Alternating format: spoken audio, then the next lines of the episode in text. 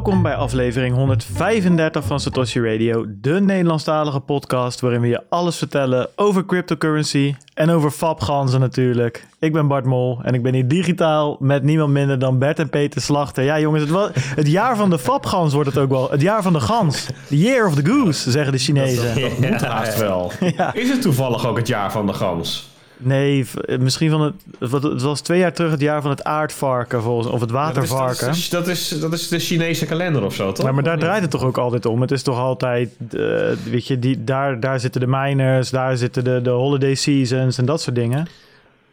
Ja, dan vind ik eigenlijk wel dat ze ruimte moeten eh, inpassen voor het jaar van de gans. Ja, nee, dit is wel het jaar van de gans inmiddels. Jeetje, Mina, Ja, jongens, ja. waar, waar, waar, kijken we naar? Wat, wat gebeurt er allemaal? Waar zitten Ja, we nu ik op? heb ook, nee, maar, maar eventjes over die gans. Ik heb wel de indruk dat hij een klein beetje, dat er gecheat wordt met, eh, met ganscredits tegenwoordig. Ja, nou ja, ik heb een beetje, ik heb natuurlijk de Bitcoin Standard, of Bitcoin Standaard zelfs in het Nederlands gelezen. En ik weet nu alles hoe je als machthebber, ja, hoe je eigenlijk aan je stand verplicht bent om, om, om eh, ja, aan monetaire verruiming te doen. Hè? En ik dacht, ja, als maker van de Fabgans credits eh, heb ik eh, mijn volk onder de duim gehouden door ze een extra credit te geven. Ja, zo gaat dat. Hè? Zo betaal je oorlogen, Peet. En, Jij eh, bent de gulle gever. en ook de veroorzaker van... echt, ik, ik zag op een gegeven moment gewoon een wall of gooses. Ja, dat was uiteindelijk wat we wilden natuurlijk. Dus ja, we zitten volgens mij as we speak op... Jezus, jongen, 38.600 dollar. Ja, weet je. ehm, holy Ja, Moses. en zo gaat, zo gaat dat het ganse jaar. Die all-time highs.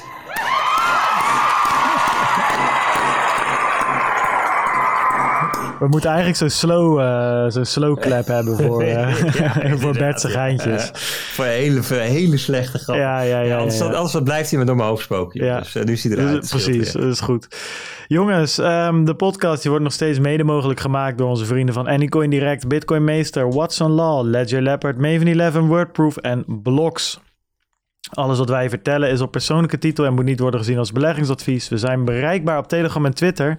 De links vind je op www.satoshiradio.nl. En ehm, ja, jongens, dat gaat goed, want het is echt gezelliger. En de, ik bedoel, ik heb nu dagen dat ik echt in die groep kom. En ik ben er vaak te vinden, kan ik je vertellen. Dat zelfs ik gewoon zoiets heb van, jezus, 100 berichten gemist. Dan gaat, er gebeurt aardig wat, weet je. Het is eh, een gezellige boel. Ja, er gebeurt. En het groeit ook door, weet je. Dat zit ook wel in een boelmarkt, het eh, aantal leden van de groep. Je zou bijna zeggen dat het oh. samenhangt, hè? Ja, hè? Toch wel. Ja. Maar eh, ja, ja, en het aantal berichten ook. Dus wat dat betreft is dit wel te verklaren. Ja, het is ook gewoon, het is wel leuk ook, weet je. Ehm, ik bedoel, we, we hebben tijdens de live show de 1000 eh, subscribers op YouTube gevierd. En we- ze gaan nu al heel hard richting de 1100. Dus het is echt, eh, ja, alle nieuwe leden, nieuwe luisteraars, welkom. En eh, laat ook vooral weten wat, ik bedoel, wij zijn inmiddels natuurlijk ook een beetje eh, cynische bear market survivors geworden. Eh, laat ons ook vooral weten eh, hoe we dat een beetje kunnen veranderen weer. Een beetje nieuw bloed is goed, denk ik. Want ik zat te, ik zat te luisteren van de week naar... ehm, ik heb, ik heb een GameKings eh, premium abonnement en dat kijk. Ik vind dat podcastformat wat ze hebben om games te bespreken wel, wel chill. En je had daar dus de oudejaarsinterviews, dat doen ze elk jaar. En ehm, een van die gasten daar, Koos, die is ook luisteraar van eh, onder andere onze podcast. En ehm, op een gegeven moment ging het er een beetje over. Joh, hoe zit je in je vel? Hoe gaat het met je? Een heel open interview verder. En hij zegt van, nou, ik weet het allemaal niet zo goed. Het is een beetje, een beetje ja, was een beetje, eh, hoe noem je dat? Weemoedig. Van ja, een huis kopen, lastig, dit en dat lastig. En toen zei hij op een gegeven moment, want ik luister dus ook wel eens naar Satoshi Radio en de Bitcoin Show. En daar word ik een beetje depressief van. ja, toen dacht ik, ja, shit jongens, dat moeten we niet hebben natuurlijk, weet je. Eh, dat, dat is niet het effect wat ik wil hebben op mensen. Dat ze lekker twee uur Satoshi Radio als een soort van zelfpijniging luisteren of zo. Ehm, waarom, waarom werd hij depressief dan? Omdat hij... nou ja, kijk, het is natuurlijk een beetje en dat, dat, dat voel ik ook wel. En ik hoop dat wij dat toch altijd op een iets andere manier brengen dan, eh, dan dat je het vaak op Twitter bijvoorbeeld terugleest. Maar de geldprinter, de inflatie, eh, eh, aandelen die opgepompt worden, bubbels everywhere. Het is, we, we zijn op weg naar de hel. Dat hoor je dan een beetje. En, ehm, En ja, het enige wat je kan doen is bitcoin kopen. En zelfs dat willen ze van je afpakken, weet je wel. Dat, dat is natuurlijk een beetje... We zijn een beetje doemdenkers met z'n allen in de bitcoin-wereld. Wat, wat wij eh, connoteren als eh, wind in de rug voor bitcoin... dat eh, kunnen heel veel andere mensen natuurlijk andersom connoteren. Als zo, er staat een flinke tegenwind. Ik weet niet waar, we, waar, we, waar de wereld gaat belanden, maar klinkt niet heel hoopvol dit. Nee, precies. nou, het, het triggerde mij wel een beetje dat ik dacht van ja ik denk niet dat we. Ik, ik, hoop in ieder geval, mijn gevoel is altijd dat we er toch redelijk positief in staan. En ook wel met, met, een, met een lach en een traan er verslag van doen. En uh, ook, wel enigszins objectief voor een Bitcoin-podcast.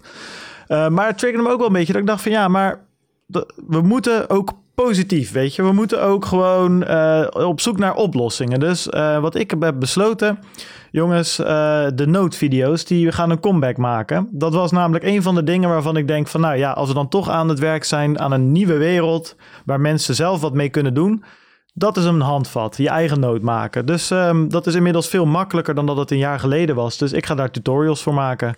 Ik ga ook tutorials maken hoe je je hardware wallet instelt, hoe je multisig kan gebruiken, hoe je Casa kan gebruiken, whatever. Gaat er allemaal aankomen. En um, ja, hopelijk geeft dat mensen wat handvaten en niet alleen maar ja, een soort van. Ja, dat, dan, Is er geen, dan is er geen nood meer aan de man, maar precies, wel een nood aan de man. Juist. Ja. Dus dat dacht ik. En uh, Koos, jongen, met jou gaat het sowieso wel goed komen. Kijk je streams, kijk je YouTube-video's. Weet je, voor creatieve gasten, creatieve, positieve gasten zoals jij, gaat het gewoon zo. Is er altijd een markt. Dus um, maak je niet druk. Dat komt hartstikke goed. En uh, nou ja, blijf luisteren, zou ik zeggen. En wij gaan proberen de positiviteit erin te houden. Eerste onderwerp van de show. Nou, godverdorie jongens, er is weer 700 miljard geprint door Lagarde. We gaan er allemaal aan, we gaan kapot tekenen. nee, geitje. We hebben, de, we hebben de donaties, natuurlijk. Zoals elke week. En uh, ik zat van de week te kijken en... Um, um, Sommige donaties die komen niet door, omdat er iets fout gaat in de betaling. En zo nu en dan, ja, die lezen we natuurlijk niet voor. Want ja, weet je, voort wat hoort wat. Um, maar deze wilde ik voorlezen, omdat ik het gewoon zo geinig vond dat ik het uh, ook zonder uh, geld erbij vond ik het, vond ik het zo'n zo grappig bericht. Bo, die stuurt. Omdat jullie, uitzendingen, omdat jullie uitzending al twee jaar lang de vaste prik is voor mijn boyfriend op de donderdag. En ik stiekem de laatste weken ook meeluister. En hij bij deze ook eindelijk een keer moet gaan doneren. Hup, hup, moes met uw conjo. Ga zo door, boys. Dus... Uh, er zijn ook gewoon vriendinnen uh, die stiekem meeluisteren en die gewoon besluiten om te doneren voor hun vriend. Ja, dat vind ik toch ergens ook een klein applausje waard. Peet, uh, kun jij hem goed? Ja, toch? Ja. Bo, ja, thank, dat... thanks voor je donatie. Ook al zat er geen donatie aan. Dit, uh, doet, dit doet ons goed. Dat, dat we ook goedgekeurd worden door de, door de aanhang van de luisteraars. Um, ja, mocht je natuurlijk willen doneren, het makkelijkste is gewoon via Blue Wallet. Daar zet je wat bitcoin op, op de Lightning Wallet. Kan je er gewoon heen sturen. En uh, dan kan je naar de Satoshi Radio bot op Telegram gaan. En uh, nou ja, dan typ je in uh, start. En dan gaat alles vanzelf eigenlijk. En anders vraag je het in de groep. Ja, donaties. waar waren we gebleven twee weken terug? Zijn jullie al een beetje bijgekomen van de live show? Want dat was er wel eentje, hè? Man, man. Nou, ik heb dus eergisteren, volgens mij was het eergisteren, nou vrij recent nog in ieder geval, de samenvatting online gezet. Maar wat een aflevering. Het was, het was gewoon echt niet te doen om het, om het helemaal... Dan zou de samenvatting alsnog een uur duren om door te nemen. Het was echt... Dit was wel eentje waar je bij moest zijn. Dat was wel mijn conclusie. Maar wel echt een top, top. Het was echt een top. Ja, ik heb echt gelachen. Dat was echt leuk. Ja. En, um... ja. Ja, vet. Vet shit. Hey, uh, we hadden volgens mij uh, Iek uh, behandeld. Tim misschien ook wel. Maar Tim die stuurt 25.000 sats. En die zegt... ben Echo des Doods. Bedankt voor, een mooie voor de mooie uitzendingen dit jaar.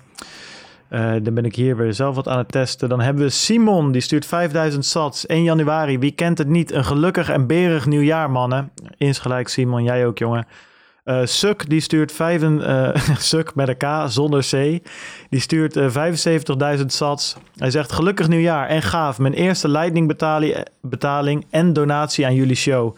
Ik heb de nieuwste 50 afleveringen geluisterd in december en werk langzaam terug naar de eerste.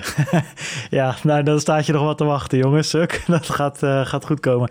Lekker logische volgorde. Goed werk. Mooi om lekker mee te lezen in de Telegram-app eh, en alles waar ik echt de ballen van snap beter te begrijpen. De laatste liveshow heb ik op tv gekeken en ik vond het mooi. Top dat Satoshi Radio bestaat. Nog beter dan de andere podcast. Hoewel, ik kijk uit naar de Bitcoin Boogie samen met Herbert. PS, ik ga al in op de, in, eh, de 2021 voorspelling van Bart. Ja, zo is het, jongen. Op, al die centjes erin. Eh, koop onze bags maar, zeggen we dan. Nee, geintje natuurlijk niet. Ehm, maar wel, eh, wel leuk. Ja, ik ben benieuwd. hou ons op de hoogte als je echt in de krochten van Satoshi Radio terecht bent gekomen. Afleveringetje 30 of zo. Ik ben benieuwd wat, wat ik toen allemaal voor, voor onzin aan het spuien was. Ehm, laat het ons weten. Erik, die stuurt 10.000 sats. Weer wat geleerd. Nou, dat is fijn om te horen. Uh, Hielke die stuurt 18.000 sats. Uh, Bart, dankzij jouw hulp, uh, dankzij jou en de hulp uit de Telegram groep, nu Casa in het gebruik. Mooi dat multisig op deze manier steeds bruikbaarder wordt. Dank, dankbaar voor jullie inhoudelijke, goede en vermakelijke podcast. Thanks Hielke, fijn dat we je wat konden helpen. Marcel Mink stuurt 18.000 sats. Eerste donatie van 2021. Heren, succes donderdag. Ik zit er vrijdag weer klaar voor. Nou, Marcel, jij ook weer bedankt, jongen. En Gelukkig nieuwjaar nog natuurlijk. Mark die stuurt een, uh, ja, een eurotje wilde ik zeggen. 3200 uh, sats. Mannen, wat een fantastisch jaaroverzicht. Informatief en gezellig. Mijn complimenten was helaas niet in de gelegenheid om live te luisteren. Nou ja, daarom staat hij ook... Op YouTube om terug te luisteren. Dus thanks Mark. Jij, um, ja, voor, voor al jouw inzet en input het afgelopen jaar. We hopen je natuurlijk dit jaar ook weer in de community te hebben. Kloekloek die stuurt 5 euro, 16.500 sats.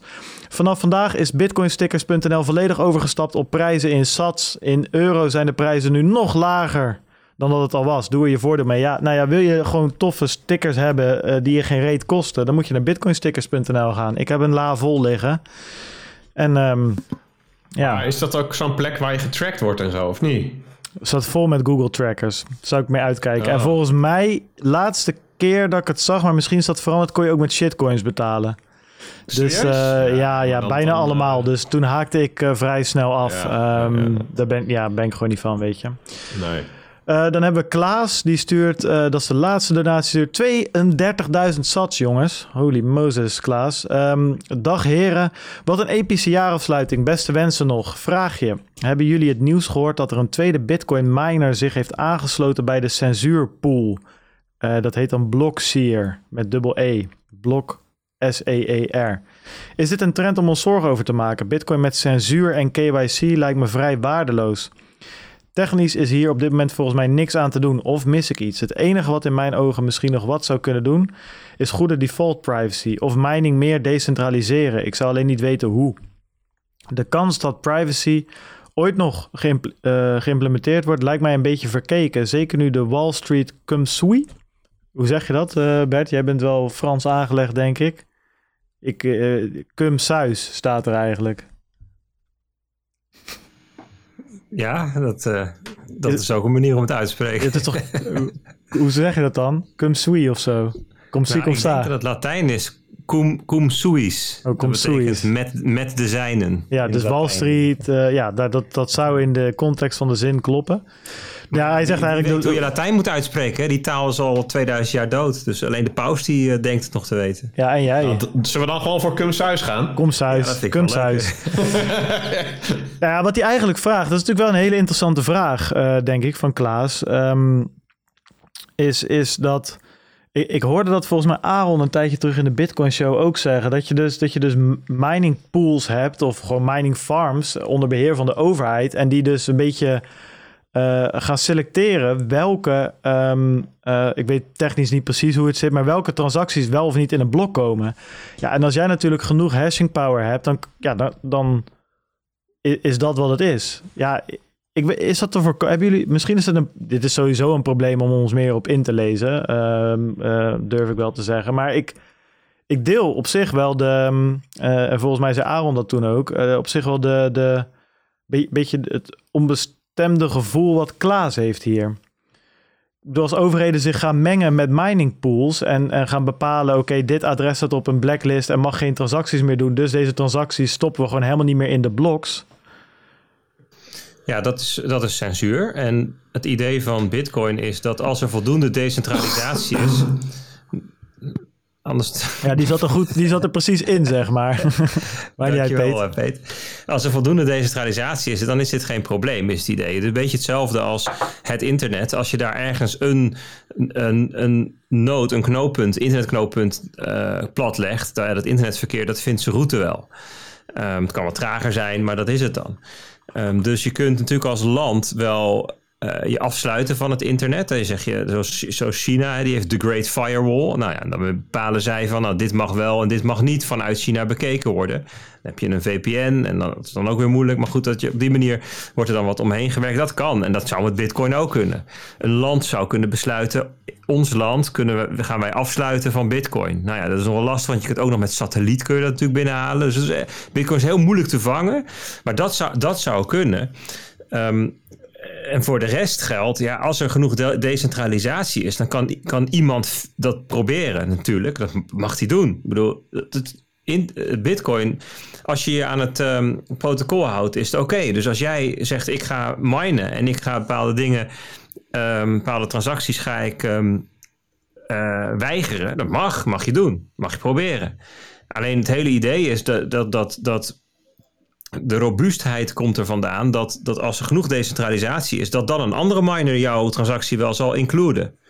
Dus dit is eigenlijk alleen maar een probleem als ehm, eh, zeg maar iemand dit gaat doen die ehm, de controle heeft over een enorme hoeveelheid rekenkracht. Als in, nou ja, echt ver meer dan de helft. Want ook als je nog 40% van de rekenkracht over hebt, ja, weet je, dan kun je jouw transactie daar wel in krijgen. En dan pakt zo'n andere node het wel een keertje mee. Nou, dan zal het misschien wat duurder voor je worden.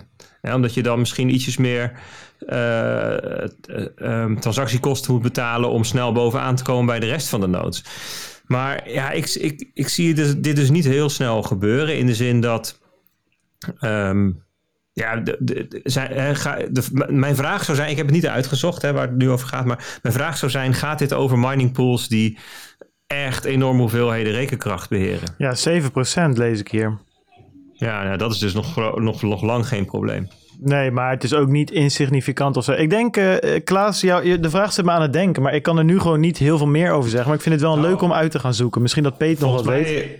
volgens mij is Blockseer is een, eh, een, een analytics bedrijf. Een beetje, oh, een beetje is zeg maar in de categorie van ehm Chainalysis bijvoorbeeld. Dus wat zij, eh, wat zij zelf pretenderen is van, joh, wij zijn een stap vooruit.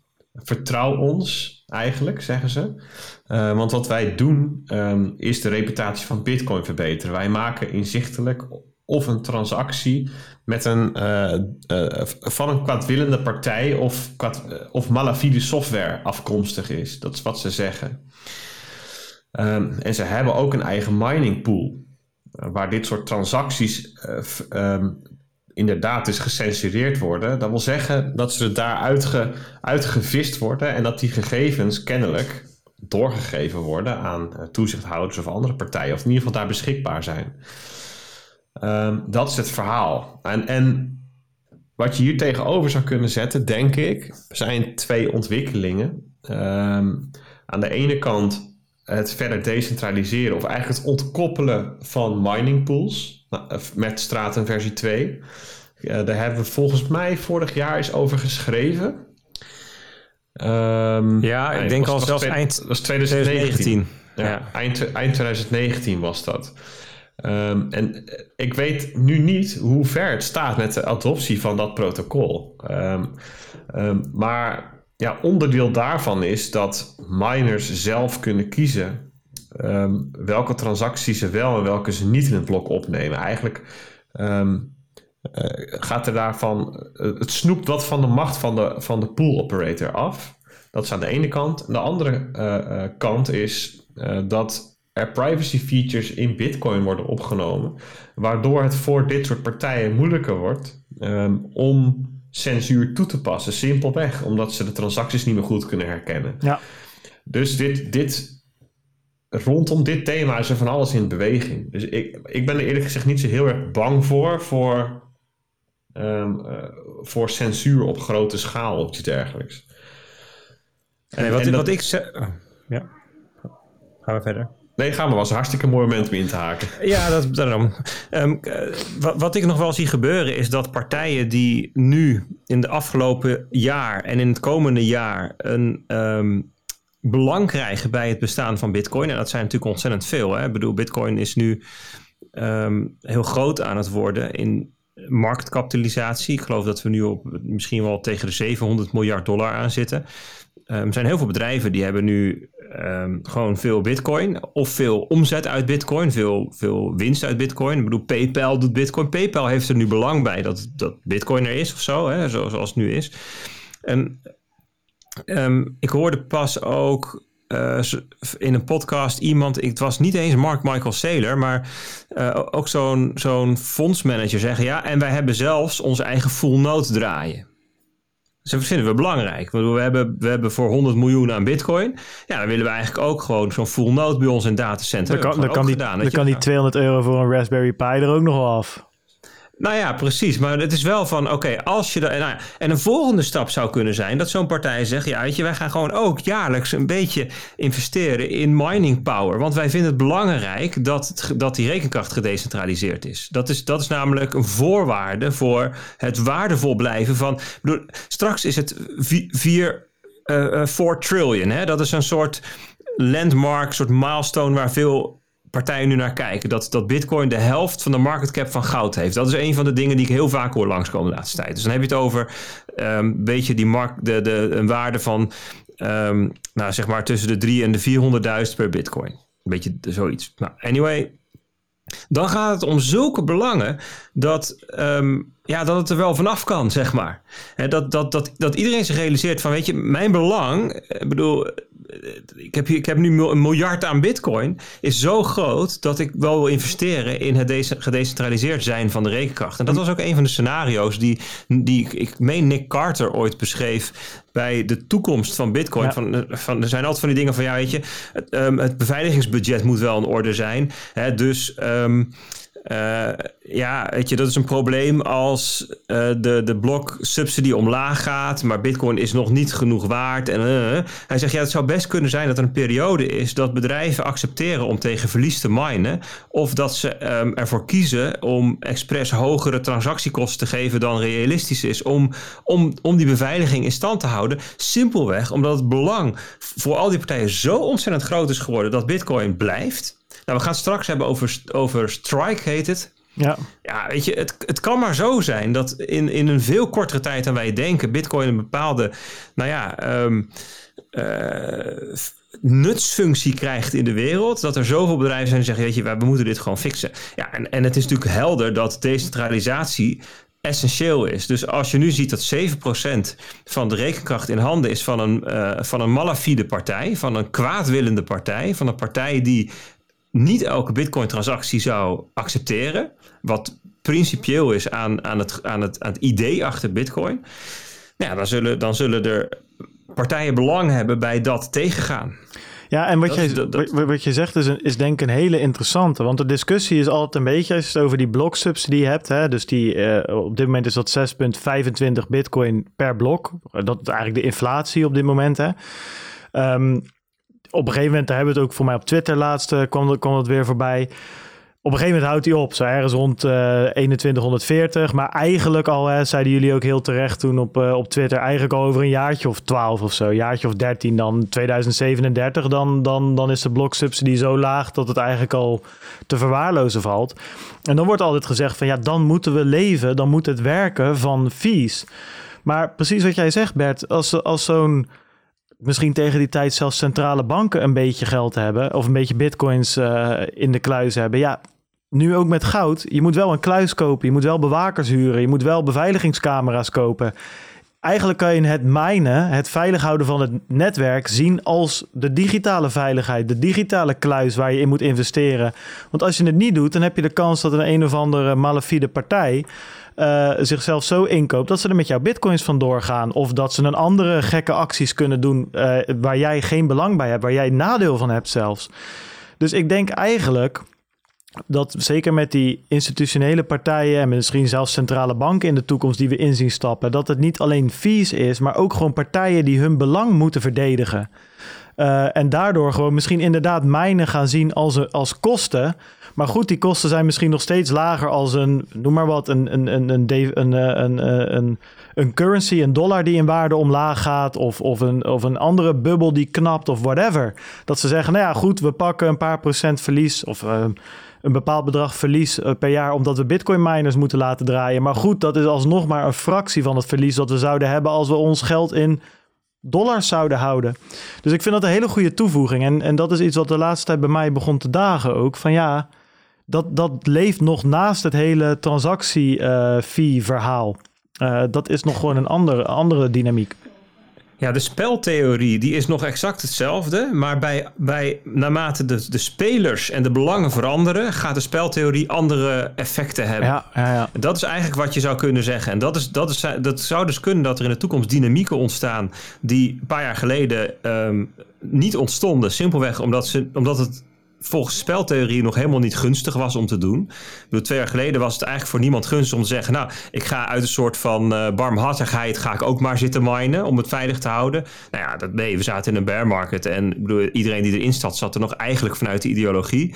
En nu zie je dat die belangen aan het verschuiven zijn. En ik zou, zou mij niks verbazen als daar, als daar dat soort dingen ontstaan. En, en je kan je dus ook voorstellen, stel dat je als partij of als groep partijen zegt: wij willen graag um, bijdragen aan die beveiliging, aan decentralisatie. Dus we gaan minen. En we doen dat niet per se om heel veel geld te verdienen, maar het zou mooi zijn als het zo min mogelijk kost of, of, of iets opbrengt of kostenneutraal is. Waar ga je dan zitten? als miner. Ja, dan ga je natuurlijk op de plek waar waar de stroom zo goedkoop mogelijk is, A. En B, je het vanuit duurzaamheidsperspectief kunt verantwoorden. Dat zijn tenslotte bedrijven aan je aandeelhouders. Dus we gaan die zitten? Ja, die gaan zitten op plekken waar de, waar de stroom, hè, dus waar je groene stroom over hebt. Nou, dat hebben we wel eens over gehad. Je hebt bijvoorbeeld op allerlei plekken heb je waterkrachtinstallaties die meer vermogen kunnen leveren dan het net aan kan. Dus die, die zullen nooit al het vermogen kwijt kunnen, nog aan het net. misschien in de toekomst als het net wordt uitgebreid of zo, maar nu niet. Dus daar, als je daarnaast gaat zitten met je Bitcoin mining eh, facility, je hebt alleen een beetje stroom nodig, nou die is er, en je hebt een netwerkverbinding nodig, het kan satelliet zijn. Nou, dan kan je eigenlijk praktisch gratis stroom gebruiken van waterkracht die anders wasted zou zijn. Weet je, dus dat, dit, dit soort dingen lees je nu, hè? dit soort thesissen, dat bedrijven hierover nadenken zijn van waar moeten we dan gaan zitten, uh, enzovoort. Dus het zijn hele nieuwe dynamieken. Dus, dus, dus dan gaan er plekken op plekken gemined worden. Niet omdat ze daar het meest kunnen verdienen, maar omdat dat misschien het verantwoordste is. Het zijn andere spelers, zelfde uh, regels, andere uitkomsten. En het interessante is, hè, als je hierover nagedacht, en ik denk dat dat misschien wel de, hè, in combinatie met wat jij nu zegt, Bert, het beste antwoord op een Klaas vraag is. En Peet zei dat ook al een beetje. Dat, kijk, Bitcoin is, is, het is voor de eerste keer dat er zoiets is wat zo globaal verdeeld is. Dus als China gaat lopen klootzakken, dan gaan ze wel ergens in, in, in een of andere, uh, uh, hoe noem je dat, uh, ijsvlakte in Canada zitten. Of in Rusland of in Oekraïne. Of, en als het daar verboden wordt, ja, misschien gaan ze dan wel ergens zitten waar het mijnen wel, wel duur is, maar waar je in een jurisdictie zit, waar je niks, waar de overheid welwillend tegenover bitcoin staat of whatever. Kijk, normaal gesproken kan een, een Amerika of een ander land zeg maar, de dollar die, die stopt ook een beetje, ja, niet met de dollar is een beetje een lastig voorbeeld, maar de dollar die stopt eigenlijk op de landsgrens van Amerika. Dus als jij bijvoorbeeld je dollars mee wil nemen naar een ander land, dan kan je er daar moeilijker mee betalen. En dat gaat helemaal op voor minder sterke currencies. Dus zo'n, de, de, de, de macht van zo'n land, van zijn regering, is extreem sterk. Omdat je in een ander land gewoon niet zoveel hebt aan dat geld. Ja, met Bitcoin is dat niet zo, weet je. je. Je pakt je miners in, die staan toch allemaal in zeecontainers. Je pleurt op een, een of andere boot en off you go. En dan heb je het nog over miners. Het echte goud, zeg maar, de Bitcoin.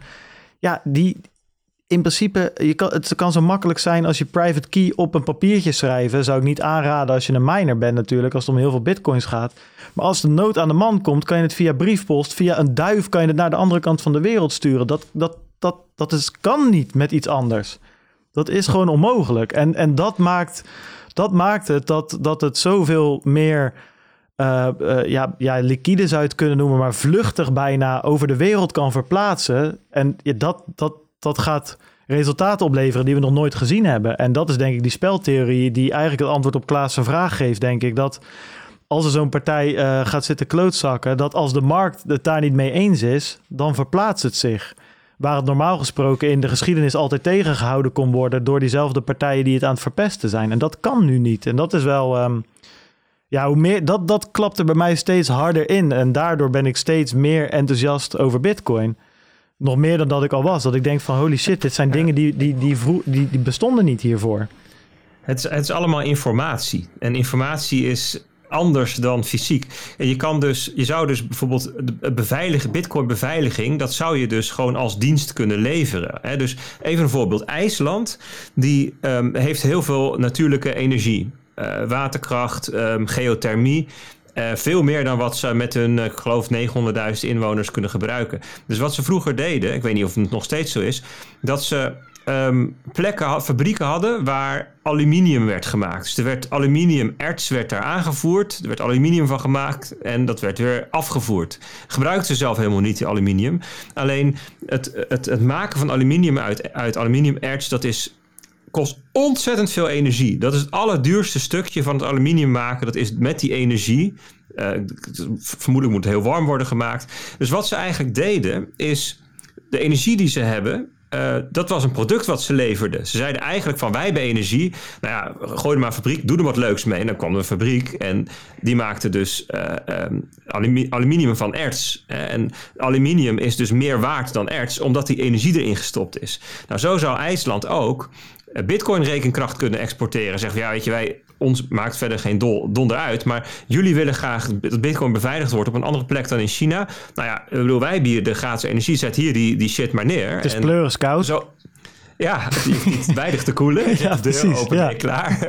Weet je wel? Dus dit, dit soort, er zou een heel soort marktindustrie kunnen ontstaan. Van, van die, en dat, dat, dat, dat, dat was niet interessant toen Bitcoin 100 dollar was. En dat is heel logisch als Bitcoin een miljoen dollar is. Dus dat is dus een interessant om te onthouden dat nu wij, kijk, we hebben natuurlijk eigenlijk de afgelopen vier jaar heeft Bitcoin rond de 6000 dollar gezeten. Als je heel ver uitzoomt op de kaart, dan zie je eigenlijk dat hij een soort van cirkelde rond, het, rond de 6000 dollar. Hij ging in 2017 van 1 naar 20.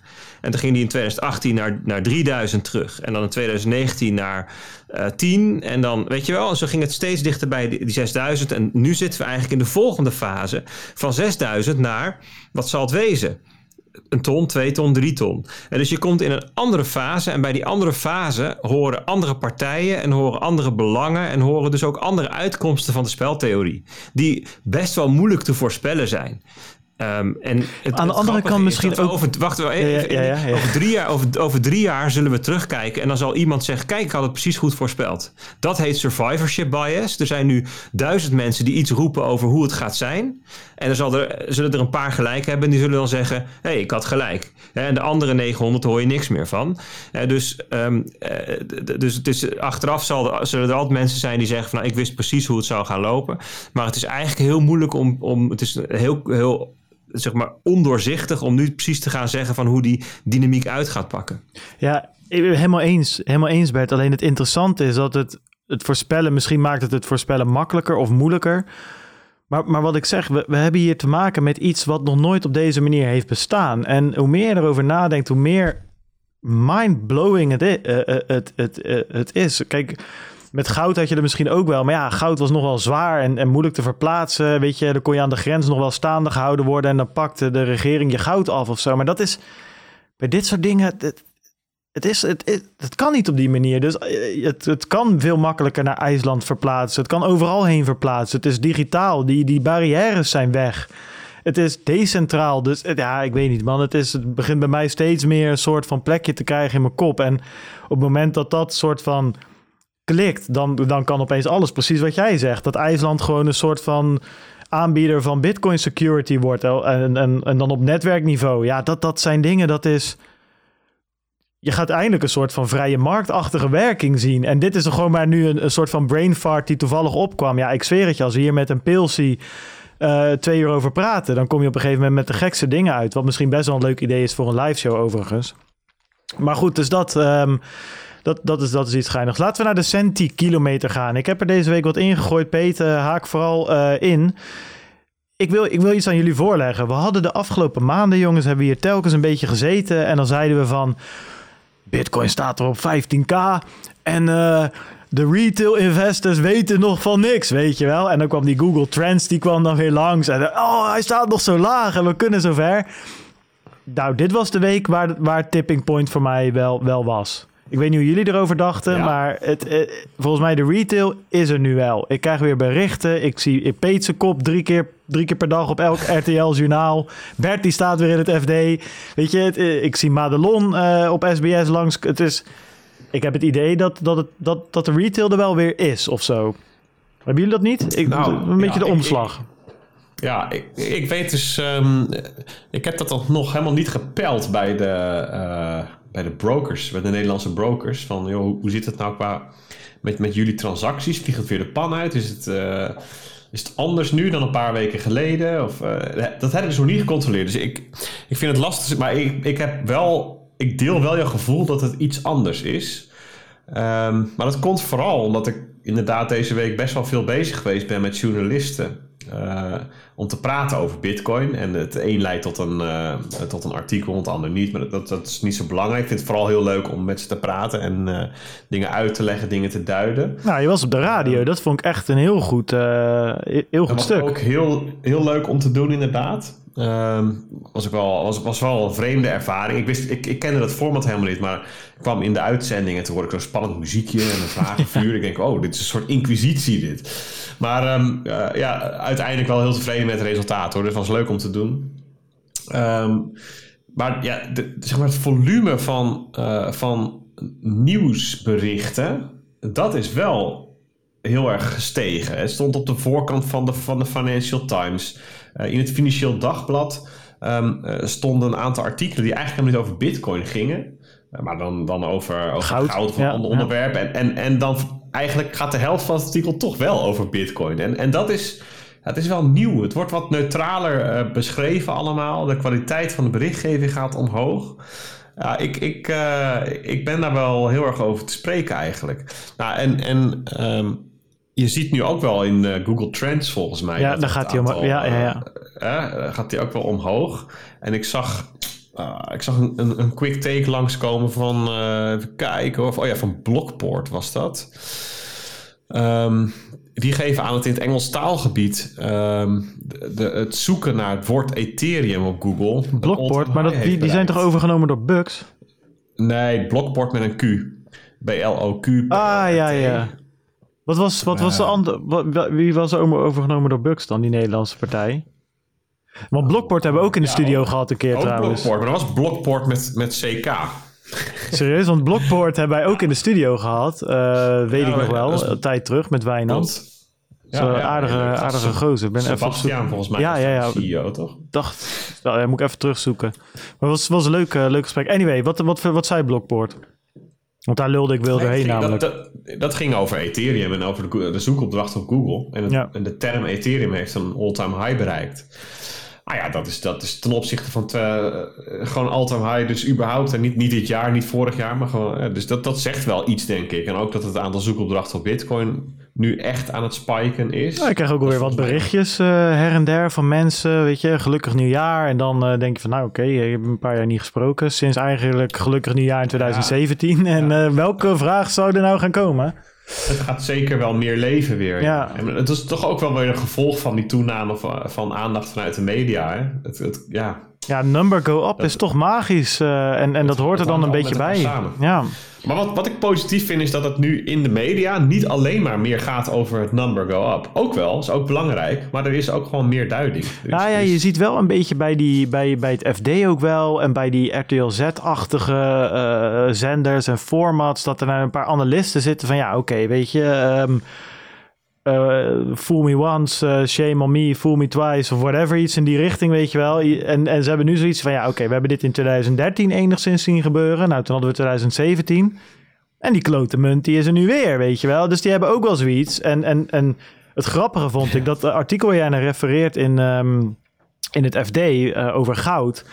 ik vind het altijd zo grappig dat, dat er dan bij goud wordt er dan altijd een hele objectieve omschrijving gegeven van uh, analisten zien het als een, als een hedge tegen het ECB-beleid of tegen het centrale bankenbeleid. Want er wordt uh, natuurlijk monetaire verruiming en steunpakketten en dit en dat. En dat is een heel, heel goed, stabiel goud. En daar kan je naartoe vluchten, veilige haven, dit en dat.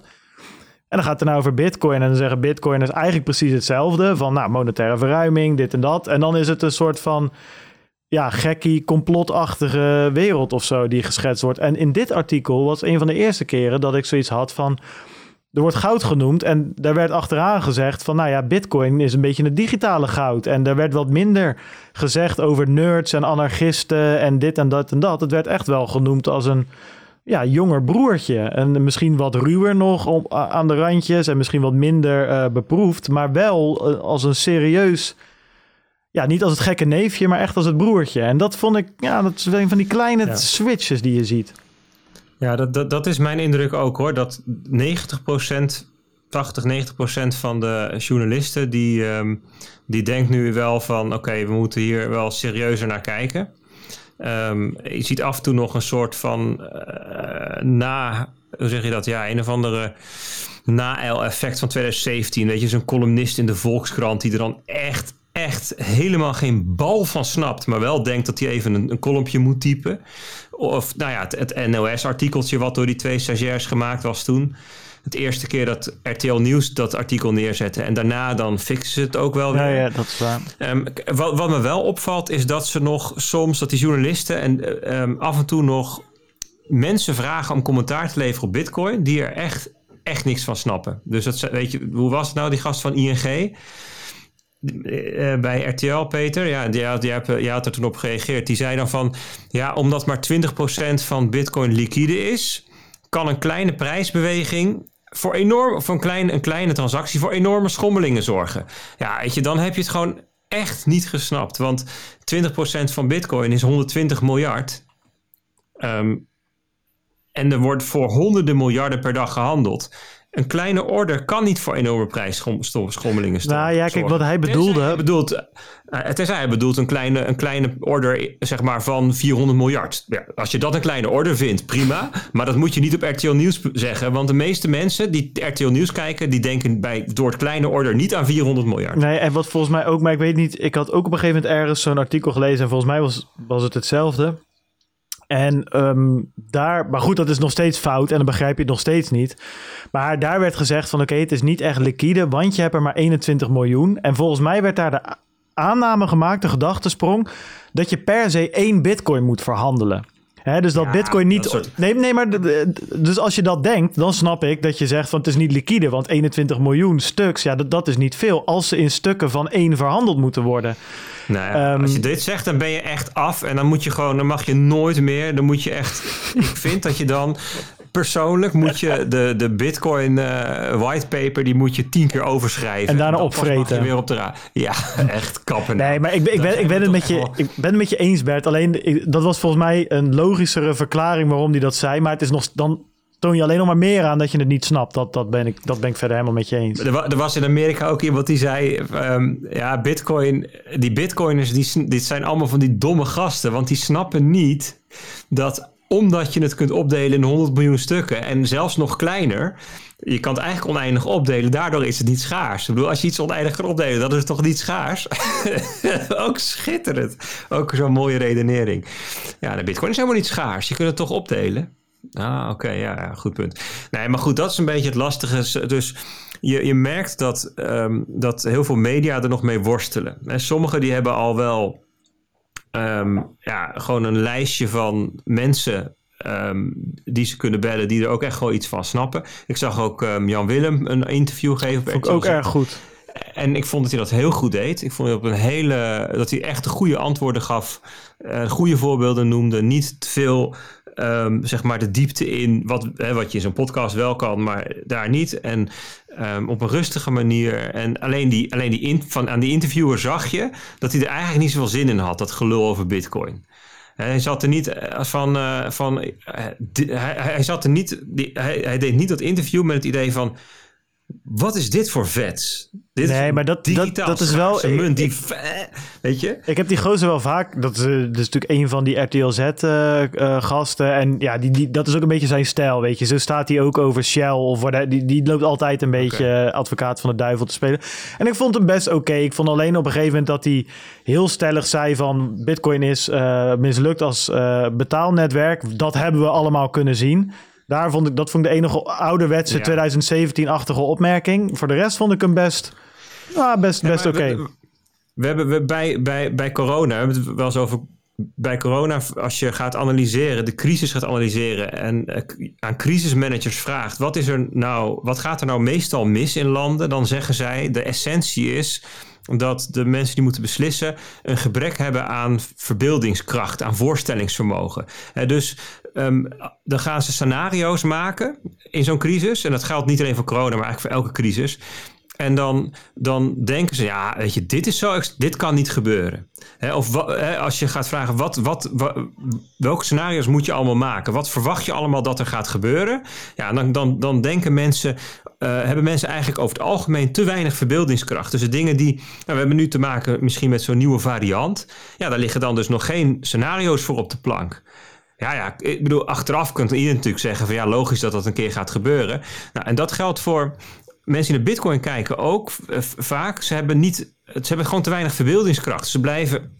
Ze kunnen zich niet voorstellen dat misschien over één of twee jaar um, er wel uh, dat Bitcoin misschien wel het meest gebruikte betalingsnetwerk van de wereld is.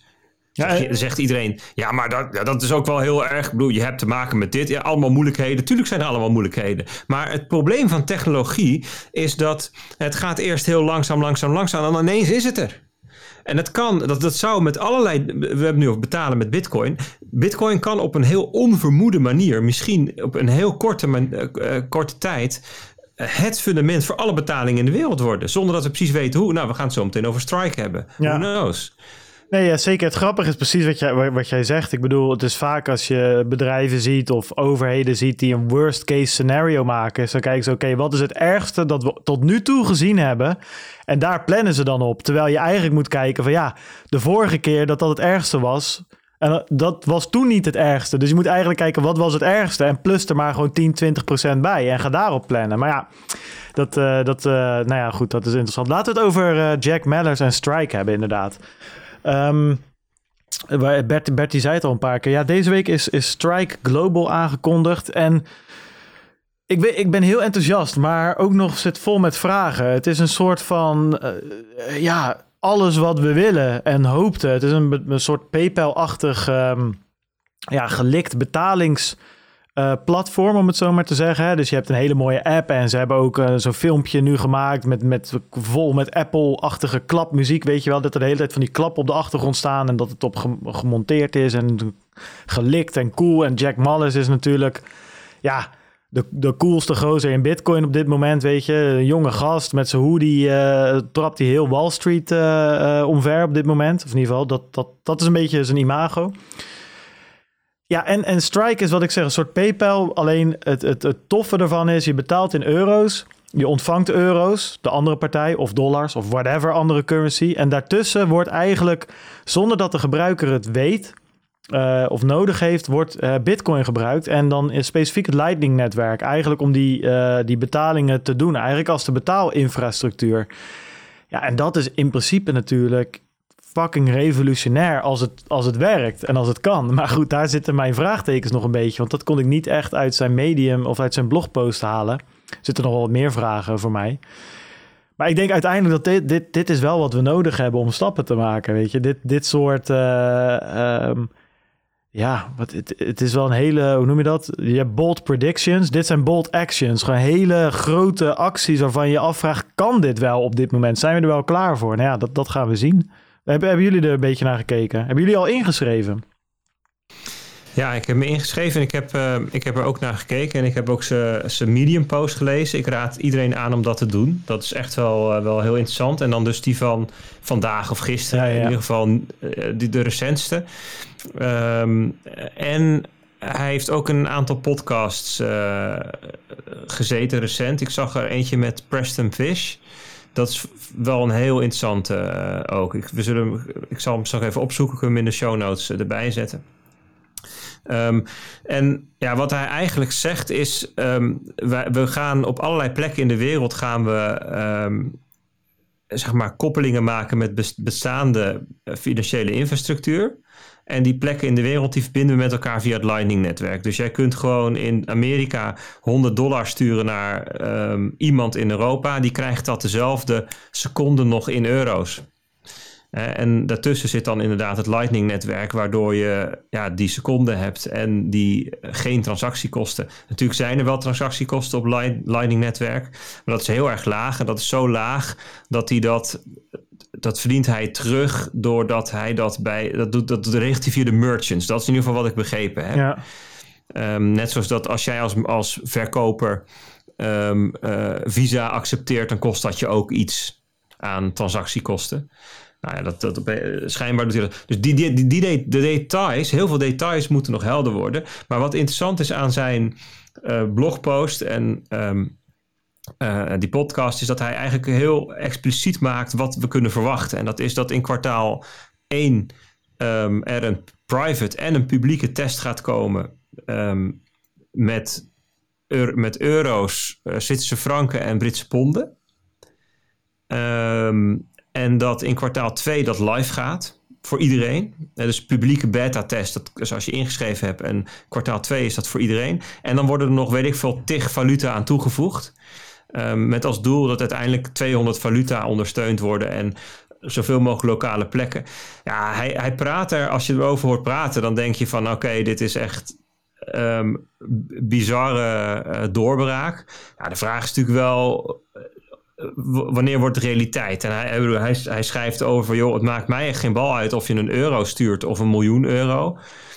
Ja, een miljoen euro, dat komt al wel in de, in de hoeveelheden terecht. Dat het Lightning-netwerk, de capaciteit daarvan, gewoon wel een probleem wordt. Ja, dus dus nou ja, kijk, volgens dit, mij, dit, werkt alleen maar als tegelijkertijd met zijn product ook de techniek van het van Lightning-netwerk uh, nou, mee ontwikkelt. Nou ja, kijk, op zich, ik, ben, ik, ik maak me bij dit idee een beetje zorgen over: is dat netwerk gewoon überhaupt volwassen genoeg? Niet alleen de channels, maar gewoon alles. Uh, weet je, je, ja, weet je, eh, overal, als jij een nood gaat maken op dit moment, zie je overal disclaimers van let op, stop niet te veel geld in het Lightning-netwerk. Let hiermee op, let daarmee op. Het is eigenlijk nog beta, het is nog dit, het is nog zus, het is nog zo. En dan komt Jack en die, ik vind het super vet, maar het is wel, je bent aan het testen in de productieomgeving en daarmee maak je de grootste stappen, maar dan ga je ook het hardst mee op je bek als het fout gaat. En um, kijk, Kijk, eh, wat hij gaat doen, die channel sizes zijn niet eens zo'n groot probleem. Want volgens mij, hij gaat helemaal niet met bestaande channels werken. Hij maakt gewoon een lightning node in uh, Berlijn. Hij maakt een lightning node in Amerika. Hij zet ze overal neer. En die zijn allemaal van Strike. En hij maakt alleen maar channels met zichzelf, zeg maar. Dat is het hele uh, idee eraan. Dus hij gaat niet de channel van... Uh, van Kloek gebruiken of de Satoshi Radio Node channels. die gebruikt hij niet. Hij koppelt alleen direct aan zichzelf. Ja, voor mij wat een beetje het lastige is. Kijk, hij heeft het natuurlijk over die gratis, fee-loze conversatie of conversie van, van fiat naar, naar, naar bitcoin in dit geval. Want dat moet twee keer gebeuren. Je gaat van euro's naar, uh, naar, naar bitcoin op Lightning. Dat wordt verstuurd en dan moet daarna weer terug van, uh, van bitcoin naar bijvoorbeeld dollars in Amerika. En volgens mij gaan ze daarvoor nu samenwerken met Bittrex. Hij zegt nog steeds dat het zonder fees kan. Ja, dan ben ik benieuwd wat voor afspraken ze maken met Bittrex en hoe lang dat, dat, dat, vol, dat, dat ze dat vol kunnen houden, zeg maar. Ik bedoel, ze brengen natuurlijk heel veel volume naar Bittrex. En Bittrex verdient aan twee kanten op een trade. Namelijk, je hebt maker en taker, zeg maar. Dus, dus misschien dat ze de e-, andere kant belasten. I don't know. Maar gratis fiat-conversies doen voor allemaal kleine transacties. Ja, ik, eh, ik heb nog nooit iemand het gratis zien doen, zeg maar. Alle brokers in Nederland vragen er geld voor, om maar een voorbeeldje te geven. En die in het buitenland ook. Dus ja, dat, dat, dat zijn allemaal dingen die ze nog uit moeten kristalliseren. Dat is heel interessant. Maar je moet natuurlijk wel afzetten tegen de marktstandaard nu. En die is voor heel veel ehm, plekken op de wereld gewoon dat het dagen duurt en tot wel 5 of 10 procent eh, kost. Ja, nee, zeker. dus, dus ten opzichte van dat En hij zegt zelf van, ehm, kijk, waar je eigenlijk gebruik van maakt is de wisselkoers van bitcoin naar een lokale valuta. Dus de bitcoin-euro koers versus de bitcoin-dollar koers. Dus hij hoeft verder geen wisselkoersen te bedenken. Die wisselkoersen die zijn er al. Namelijk je wisselt 100 dollar om naar bitcoin en, en x bitcoin om naar i euro. En daarmee is de dollar-euro koers er. Dat is zeg maar zijn manier waarop hij de dollars en de euro's aan elkaar relateert. En hij zegt, ja, die koersen, dus de, de, de dollar-euro koers via bitcoin, die is uh, super gunstig, omdat uh, bitcoin zo liquide is dat er heel veel arbitrage is daarop. En dus stel dat de bitcoin-euro-koers relatief duur zou zijn, dan zijn er allerlei mensen voor wie het interessant is om dat te kopen, omdat ze dat dan via de, de, de dollar weer terug um, krijgen. En dus de, de, kleine koersverschilletjes, die worden via arbitrage gefixt door allerlei partijen.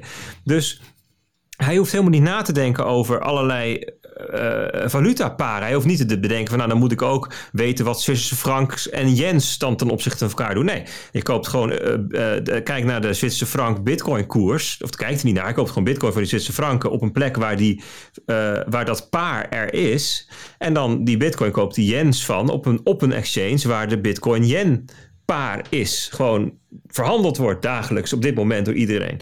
En hij zegt dus, als je daarnaar kijkt, dan hebben wij op heel veel paren eigenlijk gewoon een gunstiger exchange rate dan wat je krijgt bij al die anderen. Even los nog van de transactiekosten.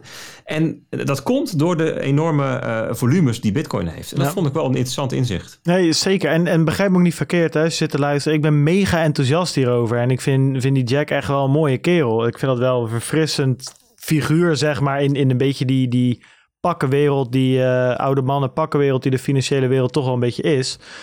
Maar goed, ja, ik, ik had wat vraagtekens er nog bij. Maar dat gaan we zien. En dan komen we alleen maar achter door het gewoon te gaan gebruiken. Dus uh, check het, uh, check it out, weet je. Hey, vraagje. Is, is Strike nou vooral een, een manier, zeg maar een netwerk waar bitcoin onder water gebruikt wordt? Begrijp ik dat goed? Dat, dat is wel hoe hij het een beetje neerzet. Dus hij heeft echt zoiets van: oké, weet je, je ziet aan de voorkant, uh, het is een manier om niet om zozeer meer bitcoiners uh, aan te trekken, maar meer om iedereen die nog met euro's betaalt aan te trekken. En hij ziet ja, dat er, hij ziet, hij ziet bit... tot wat? Ja, betalen met bitcoin. Hij ziet dit echt als een oplossing om veel, als je bitcoin als een soort van settlement layer of infrastructuur gebruikt, om gewoon veel goedkoper uh, globale transacties te kunnen doen. Precies wat Bert net ja, omschrijft. Alleen, het hele idee is dat, dat bitcoin weggeabstraheerd is, toch? Nee, nee. In, zijn, in, de, in de app eh, kan je net zo makkelijk bitcoins als dollars aanhouden. Dus hij zegt ook, wat ik hiermee wil laten zien, is en, uh, het grote voorbeeld van die NFL-player. Die, dat, zag je eind vorig jaar kwam dat bericht. Die wil de helft van zijn salaris in bitcoin ontvangen. Heeft hij al tig keer gevraagd aan de club. Mocht allemaal niet moeilijk, moeilijk, moeilijk. En dat heeft Jack Mallers nu geregeld via Strike Forum. Dat zijn salaris wordt gestort. En automatisch wordt de helft in bitcoin en de helft in dollar aange uh, aangehouden. Dat kan straks gewoon met de app. En je kan daarop dus je, je, je salaris laten storten. En een gedeelte gaat naar bitcoin, een gedeelte naar dollars. Naar je rekening, je bankrekening.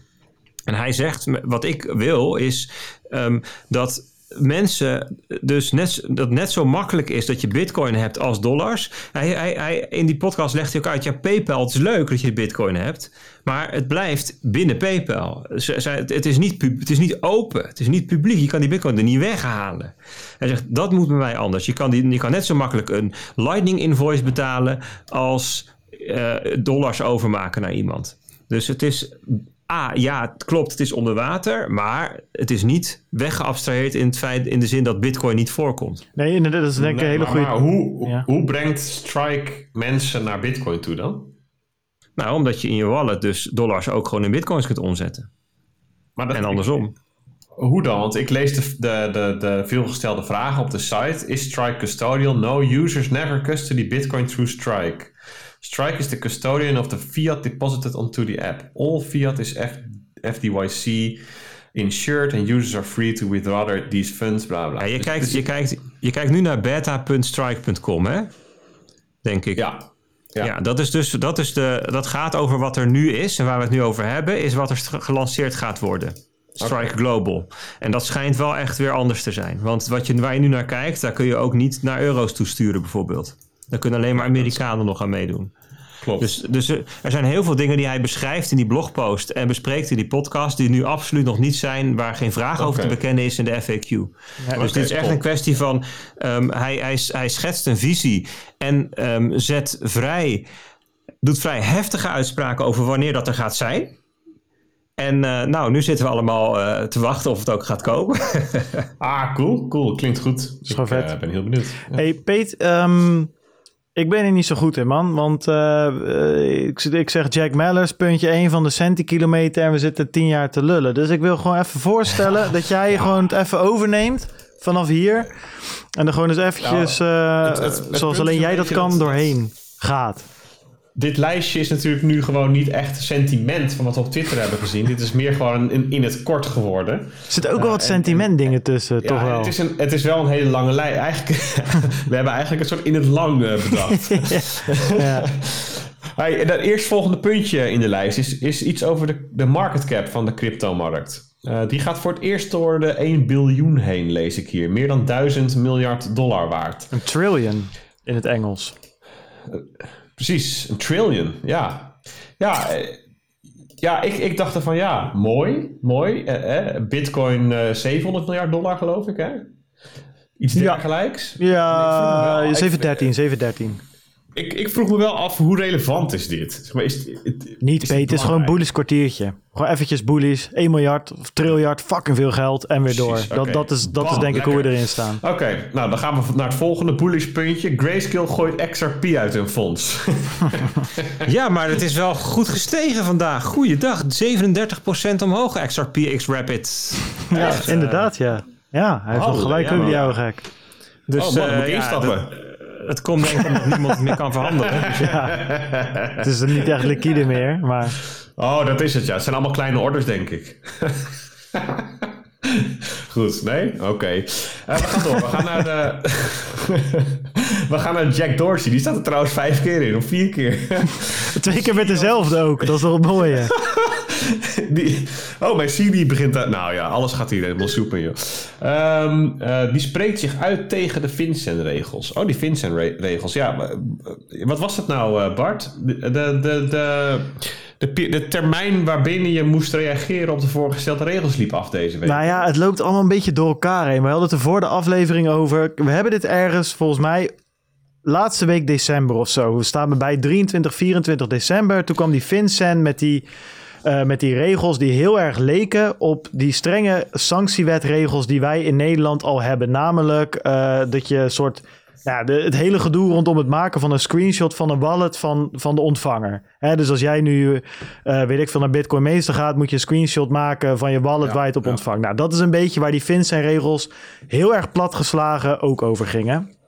En in Amerika is er wel wat harder op gereageerd. Ik zag zelfs dat onze eigen De Lely, De Lely, eh, ja. eh, erop gereageerd heeft. Dat was op zich wel een interessant eh, stuk. Ja, en ook Jack Dorsey reageert erop. Want die zit er natuurlijk niet vanuit Twitter per se, maar wel vanuit Square. Het, de, de, de, de payment provider die ook nu in Bitcoin zit, natuurlijk dicht bovenop. Ja, en hij was er niet mee eens. En hij geeft volgens mij in principe gewoon eigenlijk alle ehm, tegengeluid wat, wat wij ook altijd gegeven hebben. Met het verschil dat hij Jack Dorsey is eh, en niet eh Bartje Mol. En eh, dat, dat is natuurlijk wel wat je gaat krijgen als ehm, zo'n FinCEN in Amerika die regels door gaat voeren. Ja, daar zitten wat grotere partijen in Bitcoin dan hier in Nederland. Hè. Kijk, hier met alle respect hebben we natuurlijk onze sponsoren en, en, en, en, en de Nederlandse Vereniging van Bitcoinbedrijven of Vereniging Nederlandse Bitcoinbedrijven. Ja, dat, dat zijn geen squares en dat zijn geen Jack Dorsey's. Dus ik hoop dat met dit soort gasten dat er iets meer tegengas gegeven kan worden tegen dit soort, ja, om het zo maar te zeggen, domme regelgeving. Maar goed, dat, dat is wat Jack Dorsey zei. Eh, ja, we kunnen het in de show notes eh, gooien als een eh, specifieke punten, maar die hebben natuurlijk al vaak zat hier Precies. in Nederland behandeld. Dan gaan we, gaan we door naar Bitcoins verjaardag. Eh, die werd 12 jaar oud. 3 Ja. januari. Eh, Gefeliciteerd, en, eh, Bitcoin. Ja, ja ik, ik, ik, hier zouden we heel lang eh, bij stil kunnen staan. Maar ik, ik stel voor dat we dat voor de, de, de, de lengte van deze aflevering niet doen. Ja. Maar ik zou wel iedereen willen oproepen om even naar lekkercryptisch.nl te gaan. Daar hebben we een heel tof artikel geschreven over... ehm, wat er nou eigenlijk allemaal in 12 jaar is gebeurd met Bitcoin. En ook daarbij de notie dat het gewoon al geld is. Dat is, dat is wel een van mijn um, uh, inzichten van de afgelopen weken. Ja. Dat, dat, is, dat staat een beetje los van de verjaardag. Uh, maar, maar ook weer niet omdat het mij geholpen heeft bij het verhaal rond Bitcoin. Als, je, als je vanuit het, in het Westen leeft zoals wij in Europa, VS, en daar komen de meeste berichten vandaan. Ja, het nieuwe goud en store value en ik voor wat. Terwijl er, er, buiten die bubbel gewoon echt, echt heel veel mensen afhankelijk zijn van het functioneren van Bitcoin als betaalsysteem. Ja. En, en ik vind dat mooi om, om daar ook wat regelmatiger over te gaan hebben en te laten zien wat er allemaal gebeurt. Ja. Ook omdat je dan weet van Bitcoin is gewoon al geld. Het gaat hand in hand, die ontwikkeling. Ja, het wordt groter. Ja, het heeft een hele goede store value functie. Het is ook gewoon voor miljoenen mensen uh, een, uh, een, medium of exchange. Nou goed, dat even. En dat is te lezen op de site. Um, Financial Times opent met Bitcoin op de voorpagina. Hadden we net al even. Dat zit ook een beetje in de categorie deze week van retail. Um, PayPal stopt geld in crypto-belasting startup TaxBit. Ja, nou ja, dit is niet heel boeiend of zo. Um, maar ik vond het interessant omdat je dus ziet dat dit ook weer. Dit is, we hebben het altijd over volgende fases en dit soort dingen. Ja, kijk, dit hoort daar een beetje bij. Dat, uh, dat zijn een beetje die, uh, die, die, die uh, second en third en, en fourth en fifth order effects die je nu gaat zien. Dus omdat Bitcoin groter wordt, omdat Bitcoin meer waard wordt, hebben meer mensen problemen met een belasting. Of komen ze boven een bepaalde grens of komen ze boven een bepaalde limiet snappen ze niet hoe ze een belasting moeten doen, krijgen ze gezeik met de belastingadviseur en gaan ze dus op zoek naar een goede belastingadviseur ja. die wat weet van crypto. En dan zie je dus dat zo'n PayPal daar weer instapt. En dus ja, blijk, ik weet ook niet precies wat dit nou voor, voor toko is, maar het, het, het, het illustreerde voor mij een beetje dat. Ja, precies. Dat, dat bepaalde het. problemen zichzelf aan het oplossen zijn. En dat ga je gewoon meer zien. Van, oh ja, nu is Bitcoin nog langzaam. En nu is het nog dit. En nu is het nog dat. Nu is het nog zus. Nu is het nog zo. Maar straks, hoe meer mensen daarmee bezig zijn. Hoe meer bedrijven daarmee bezig zijn. Hoe meer die problemen ervaren worden. En op een gegeven moment is het tipping point. En dan wordt het veranderd. Want dan gaan er bedrijven het fixen. Gaan mensen het fixen. En nou, dat, dat vond ik dit een mooi voorbeeld van. Ja, het is, het is, het is die, uh, dat netwerkeffect. Hè? Dat, als, ja. dat als olievlek zich aan het uitbreiden is. En hoe groter het netwerk, um, ja, hoe, hoe groter ook die uitbreiding ja. weer wordt. Zeg maar, dat oppervlak wordt zo gigantisch. En uh, ja, de een zegt we staan nog aan het begin. En uh, nou ja, misschien is dat zo. En ik zeg, nou, we zijn ook al een heel eind. Ja. En, nou, dat, dit is daar wel weer een voorbeeldje van. Uh, Bitcoin hash rate op all-time high. Ja, nou, dat zag ik langskomen. Ik geinig. Waar, waarvan akte. Ja. Um, Kraken. Die zegt dat er meer dan een miljard gesteekt is. Bij hun op de beurs, denk ik dan. Ja, bij, bij, hun op de beurs kan je dus uh, proof of stake coins steken. Ja, die zijn nu meer dan een miljard dollar waard. Vond ik ook wel fors. Dus uh, blijkbaar gebeurt het. En ik snap het ook wel, want dat, dat zo'n staking node opzetten is voor Ethereum al lastig. Laat staan voor die obscure andere muntjes. Dus dan snap ik wel dat mensen zeggen van, nou weet je, ik gooi bij Kraken neer. Dan pak ik misschien iets minder uh, rendement. Maar um, daar heb ik er geen gezeik ja. mee. Dus uh, ik vond het Goed. interessant. Kraken heeft inmiddels ook een banklicentie binnen, geloof ik. Ja. En um, nou ja, dit is toch een, een, miljard aan waarde waar wel rendement op gehaald wordt. dus de andere banken zullen daar wel met argusoog naar kijken. Um, Three Arrows zie ik. Ik ken die naam niet, maar die heeft uh, meer dan 1,2 miljard dollar in Grayscale GBTC. Ja, ik kende de naam ook niet, maar uh, ze hebben wel money, uh, zou Bert zeggen, ja? als hij erbij zijn. Toch Bert, dit is flink money, of niet? Uh, ja. Nee, maar ze hebben... Serieuze money. Ja, precies. Nee, ja, ze hebben 1,2 miljard positie in, in, in het... Ja, GBTC is gewoon het, het Bitcoin fonds van Grayscale. Nou ja, dat, ja. dat zijn flinke posities en uh, dat vond ik wel bullish ja. uh, eigenlijk. Is dat, uh, is dat deze week uitgekomen? Dat, zeg maar, zij zijn een nieuwe institutionele speler op, in het veld? Of? Ja, nou lees maar even door. Dan, dan ga ik dat even uit dit nieuwsbericht proberen te ontcijferen. Prima. Bittrex. Die delist privacy coins Monero, Zcash en Dash. Ja, dat is dan een van de vele. Hè. Het, is, het is toch een beetje een, een domino-veldje dat valt, hè? Um, ja, goed. Ja. Ik, ik, denk ook niet dat, dat we daar heel veel meer over hoeven te zeggen. Nee, ja, het is een trend die blijkbaar doortrekt. Ja, Jammer precies, genoeg. Ja. ja, dat is de, ja, het, een beetje de lange arm van de FAT F. Hè? Het ligt natuurlijk allemaal veel genuanceerder, maar het is wel leuk om dat even zo Ja, te zeggen. ik, ik hoop dus heel erg dat Bitcoin dus door, door de, de run die je nu ziet, ook van instituties en whatever. Ik hoop dat er ook nog ergens een keer een centraal bankier gewoon even instapt. Dat we net even, even wat te ver over dat tipping point zitten. En dat dan Taproot erin geknald wordt en al die andere privacy dingen. nee, maar serieus, want dat kan zomaar is net... Kijk, bij Monero en zo is het net andersom. Dat is allemaal privacy by design. Maar die hebben de adoptie niet, weet je. En ik heb toch een beetje het idee, ja, als op een gegeven moment de mensen die de regels bepalen, de mensen met geld onder andere, maar misschien ook een centrale bank, whatever, die hebben het beide, die bepalen regels en hebben geld. Ja, als die erin zitten en zelf skin in the game hebben, ja, dan kan je moeilijker zeggen van, nou, verbied het maar gewoon, weet je. Eh, Dat is lekker makkelijk nu. Dus ik, ik, ja, goed, ik hoop dat dat nog eventjes, eh, dat we nog even flink doorknallen een jaartje, dat dan al die functionaliteit wordt toegevoegd en dat ze dan niet meer terug Ja. kunnen. Hey, eh, Three Arrows is volgens mij, eh, dit is wel redelijk recent. Ja, ze hadden al wel geld in dat fonds zitten, maar niet 1,2 miljard. Dus Oh ja, is eh, een schijnbaar is daarbij bijgekomen. Oké, ehm, ja, dit is een leuk nieuwtje van, vanuit Bitcoin Meester. Chris, daar de, de marketingman, die, ehm, eh, die gaat iedere vrijdag met, met eh, morgen, wij nemen op donderdag op, morgenochtend half negen. Iedere vrijdag om half negen is hij te horen in een Bitcoin journaal op Wild FM. Eh, Ik ben wel benieuwd, ik ga luisteren, dus dat is wel, eh, wel geinig, even volgen. Ehm, ja, en nou komt er een rijtje Jack Dorsey achteraan. Past mooi naast Chris.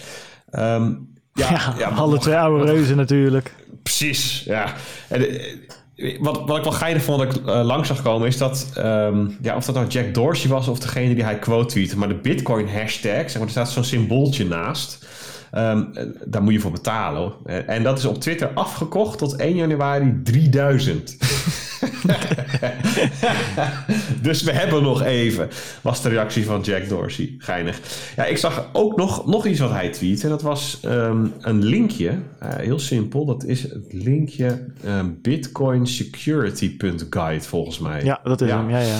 Ehm, ik dacht, ik geef het even door. Misschien heb je het gemist. En dat is gewoon een simpel eh, gidsje, naslagwerk van, eh, van dingen rondom de vei- vei- veiligheid van het, het zelf eh, opslaan en bewaren van je bitcoins. Ja, volgens mij komt het van CoinKite af, eh, van, eh, van de Cold Card Wallet. Of in ieder geval, die zie ik hier pontificaal op die website staan, dus dat, dat zou me niet verbazen. Is, ik heb die Ja, gids kan. een tijdje terug doorgenomen en het is echt ehm goede shit. En vooral de eerste regel, daar hebben we het over gehad. KISS, keep it simple, stupid. Dat blijft gewoon het ding.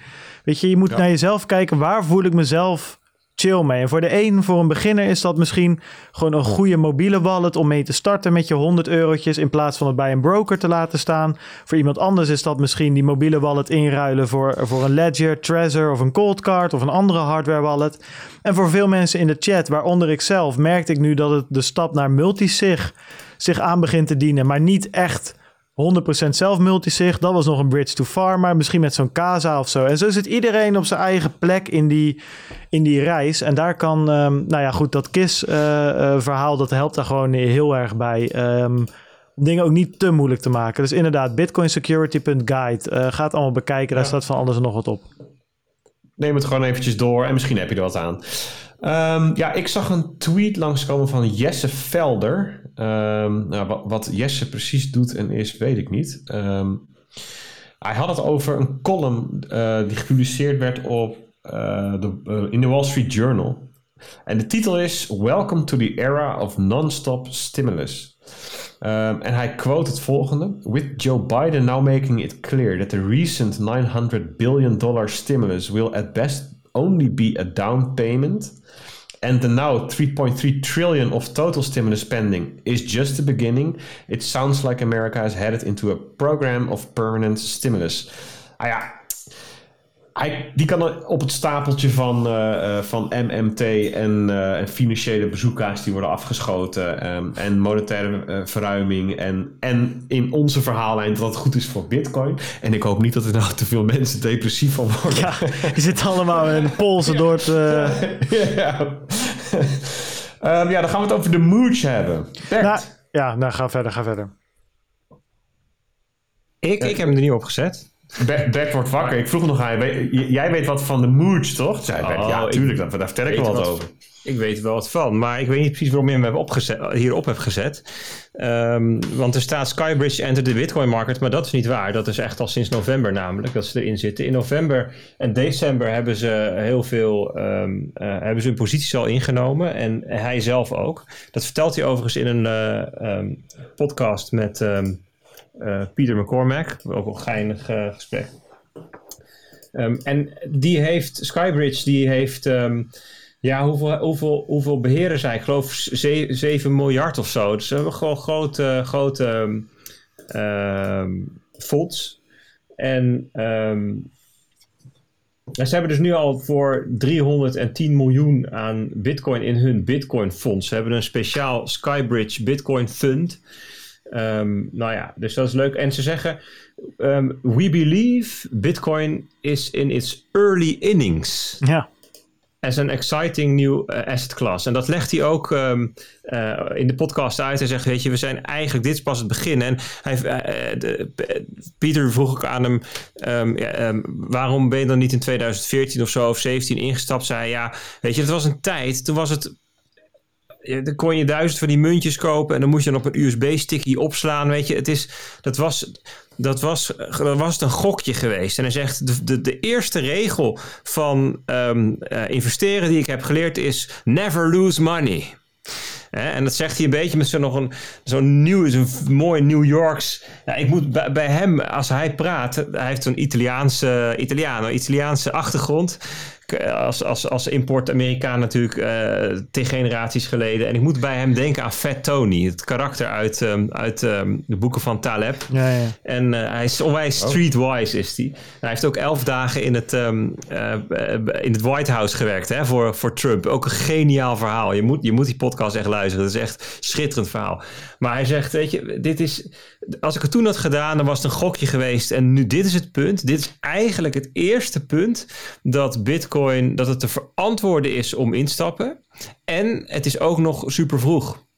Dus dit is wel het punt. Als je erin wilt, dit is het punt. Doe het nu. Ja, het is een beetje ja, toch ook wat, wat, uh, wat, wat, wat Taleb altijd met die barbel-strategie zegt. Van je moet optionaliteit hebben, je moet het wel verspreiden. Maar er zit ergens nog wel een soort van rationaliteit in hoe je. Het is niet met hagel schieten en hopen dat je raak schiet. Het is wel nou, zoveel mogelijk berekende gokjes maken. En precies wat jij zegt, Bert. Dit is een beetje het punt dat het niet een gestoorde gok is, maar gewoon een berekende gok. En um, ja. Ja, Bitcoin is leading a digital monetary revolution around the world, staat er in het persbericht. Weet je wel? Dus ja, is, dit is wel. En with global money printing at an all-time high, Bitcoin offers a strong alternative to gold. Weet je, het is het, is, het zijn gewoon weer dezelfde, dezelfde argumenten, dezelfde redenen. En nou weer van de volgende partij die er voor honderden miljoenen ingestapt is. Dus, dus de volgende in het reisje. En nou ja, waarom is um, Scaramucci wel geinig? Omdat er ook een uh, FD-artikeltje over hem ging zwaar jaar met een gouden randje voor hedgefondsbaas De Schooier. Want Scaramucci, Scaramucci's bijnaam is De Mooch en dat is De Schooier. En uh, dat artikel begint met hij was de luidste en ook kortzittende medewerker van president Trump. Uh, Anthony Scaramucci was in 2017 tien hele dagen per chef, nou volgens hemzelf elf trouwens, um, in het Witte Huis. En hij viel op door zijn kleurrijke taalgebruik. Hij, hij zette vertrouwelingen van Trump weg als paranoïde en zelfpijpers. Nou, dat is wel, dat is wel kleurrijk. Ja. Dus um, we, we, zullen het dus linkje... die allemaal laatste wip. Ja, waarschijnlijk. We zullen, we zullen, we zullen het linkje van het artikel er ook even bij zetten. Hey, maar was, begrijp, ik, begrijp ik dan goed dat deze meneer een uh, Michael Saylortje aan het doen is? Nee, hij heeft geen bedrijf. Het is een hedge fund. En eh, dat hedge fund heeft een apart onderdeel opgericht, een speciaal Bitcoin fonds, die dat er is om, uh, om geïnteresseerden bloot te kunnen stellen aan, uh, aan Bitcoin met een aantal bijzonderheden. Ze hebben bijvoorbeeld zo gestructureerd dat de minimumpositie 50.000 dollar is. En dat is, vrij laag voor een hedge fund. Dus het is voor heel, heel veel mensen aantrekkelijk. Uh, ook omdat het niet de premium heeft die bijvoorbeeld Grayscale wel heeft. Hè? Dus uh, als Grayscale, als je dat gewoon wil kopen bij een broker, dan betaal je meer dan Bitcoin waard is. Dat is de premium. Um, en dat is bij hem niet. Dus daarom zegt hij, is het een interessant product op de markt. Hè? Dus ja. dat is het uh, meer. Het is maar, anders dan Michael Saylor, die, die zijn bedrijf eigenlijk eh, misbruikt Nee, of het- gebruikt om... eh, Wat ik daarmee bedoel is, ehm, hij heeft een website opgetuigd, skybridgebitcoin.com, waarop hij uitlegt wat bitcoin is en de bullish case eigenlijk neerzet. Hij gaat podcasts af, hij gaat over artikelen.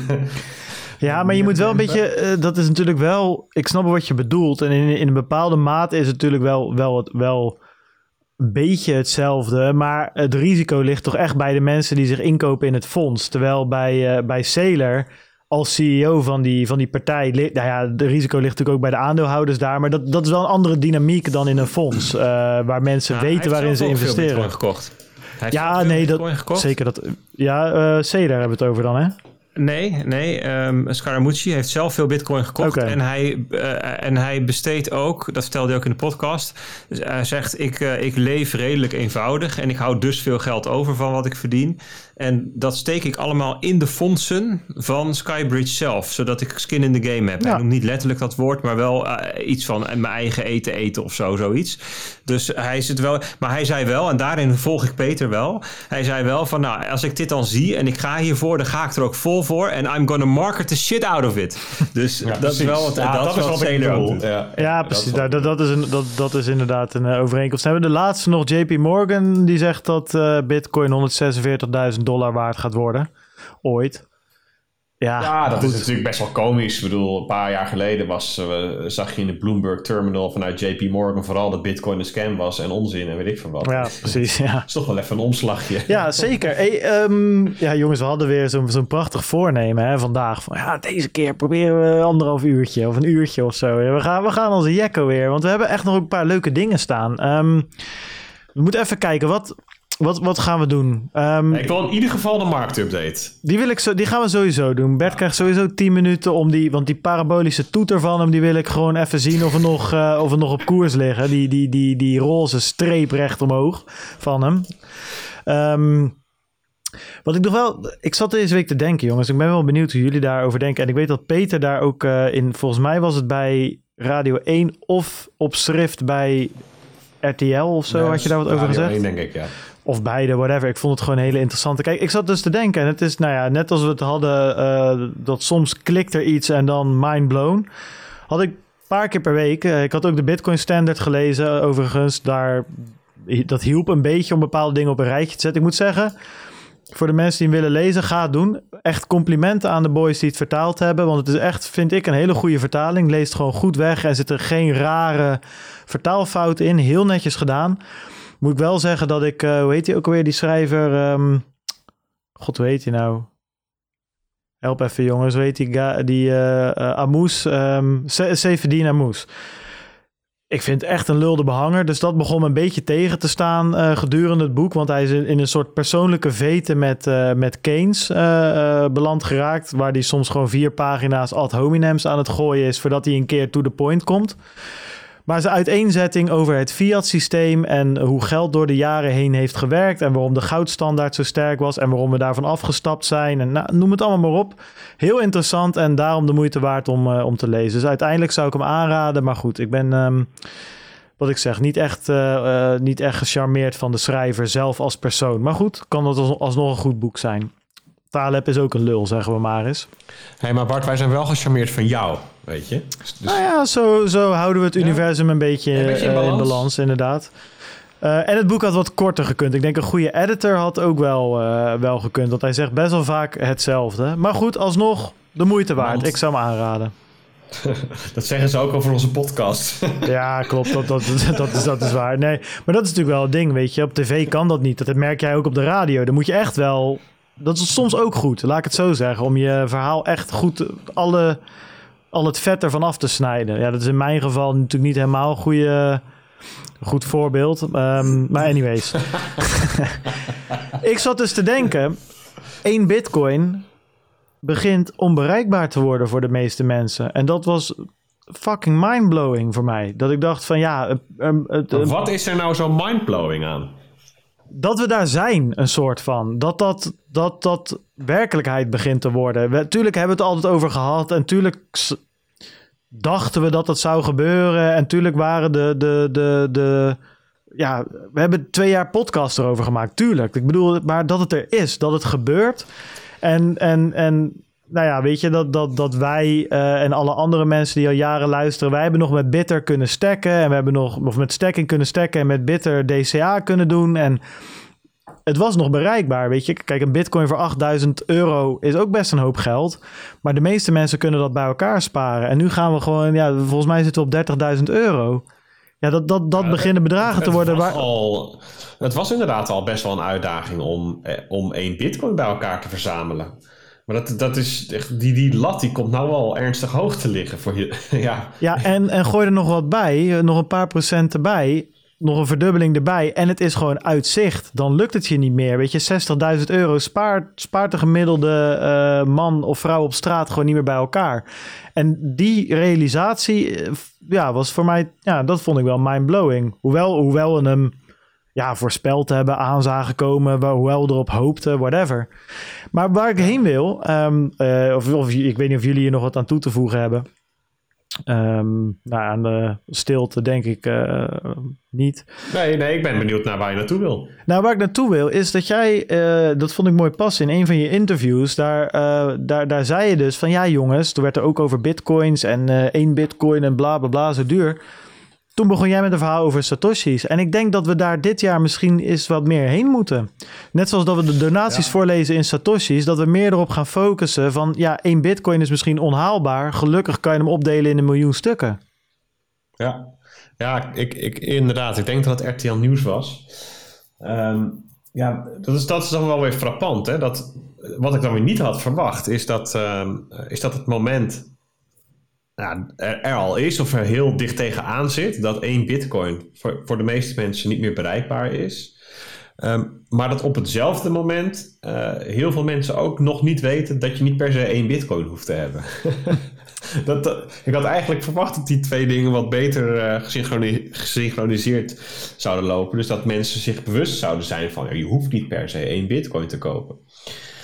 En um, uh, ja, dat, dat was ook in de context van, um, van, het, van het. Ja, daar was een stuk gepubliceerd. Dat ging over. Daar hebben we het in het begin van de show ook over gehad. Dat kleine transacties misschien verantwoordelijk zouden zijn voor die prijsdaling. Nou, ja, uh, dat was volgens mij Teunis Broosens van ING. Ja, daar hoofdeconoom, geloof ik. Die daarover ze, um, uh, aan het woord was bij RTL Nieuws. En ja, daar, daar zaten meerdere kanten aan dat verhaal waarvan ik dacht van... hé, hey, daar, daar worden wat uh, planken misgeslagen.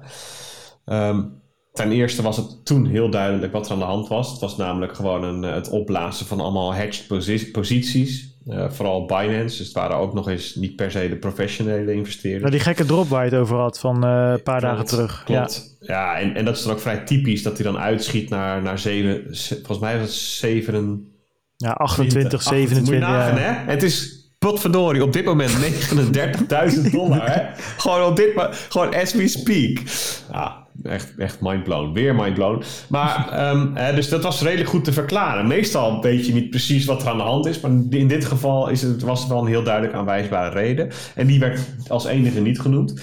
Um, maar ook in de, in de context van de handel. Um, ik geloof dat zijn, uh, ik neem aan dat zijn uitspraak over schaarste, uh, uh, daar haalde die bij dat er maar een, een, klein deel liquide is. Dus het ging over 21% geloof ik, dat, dat is een getal van Glassnode.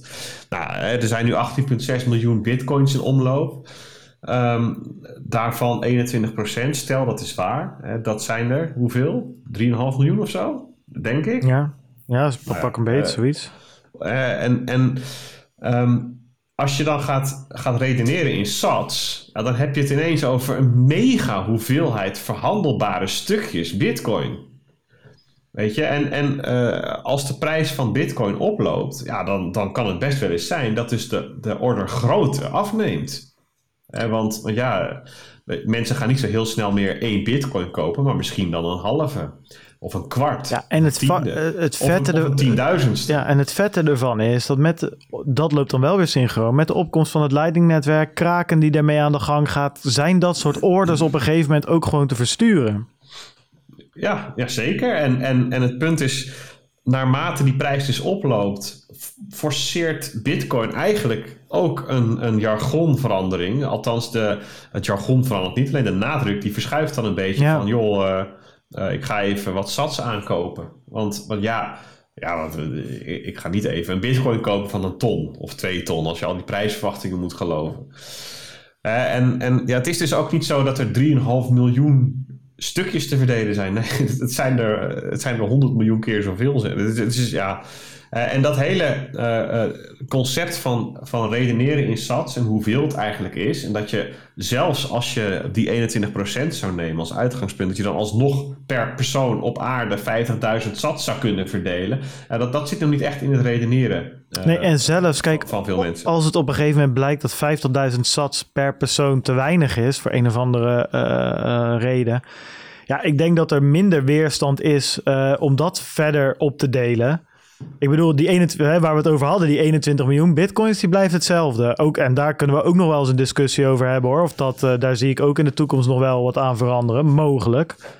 Um, maar goed, dat kan vast blijven staan. Je kan, weet je, dan schrijf je er nog een paar nullen bij achter de komma, weet je. Ik bedoel, dat is gewoon volgens mij een restrictie die aan te passen is. Zonder dat dat de economische um, um, eigenschappen van bitcoin uh, verandert.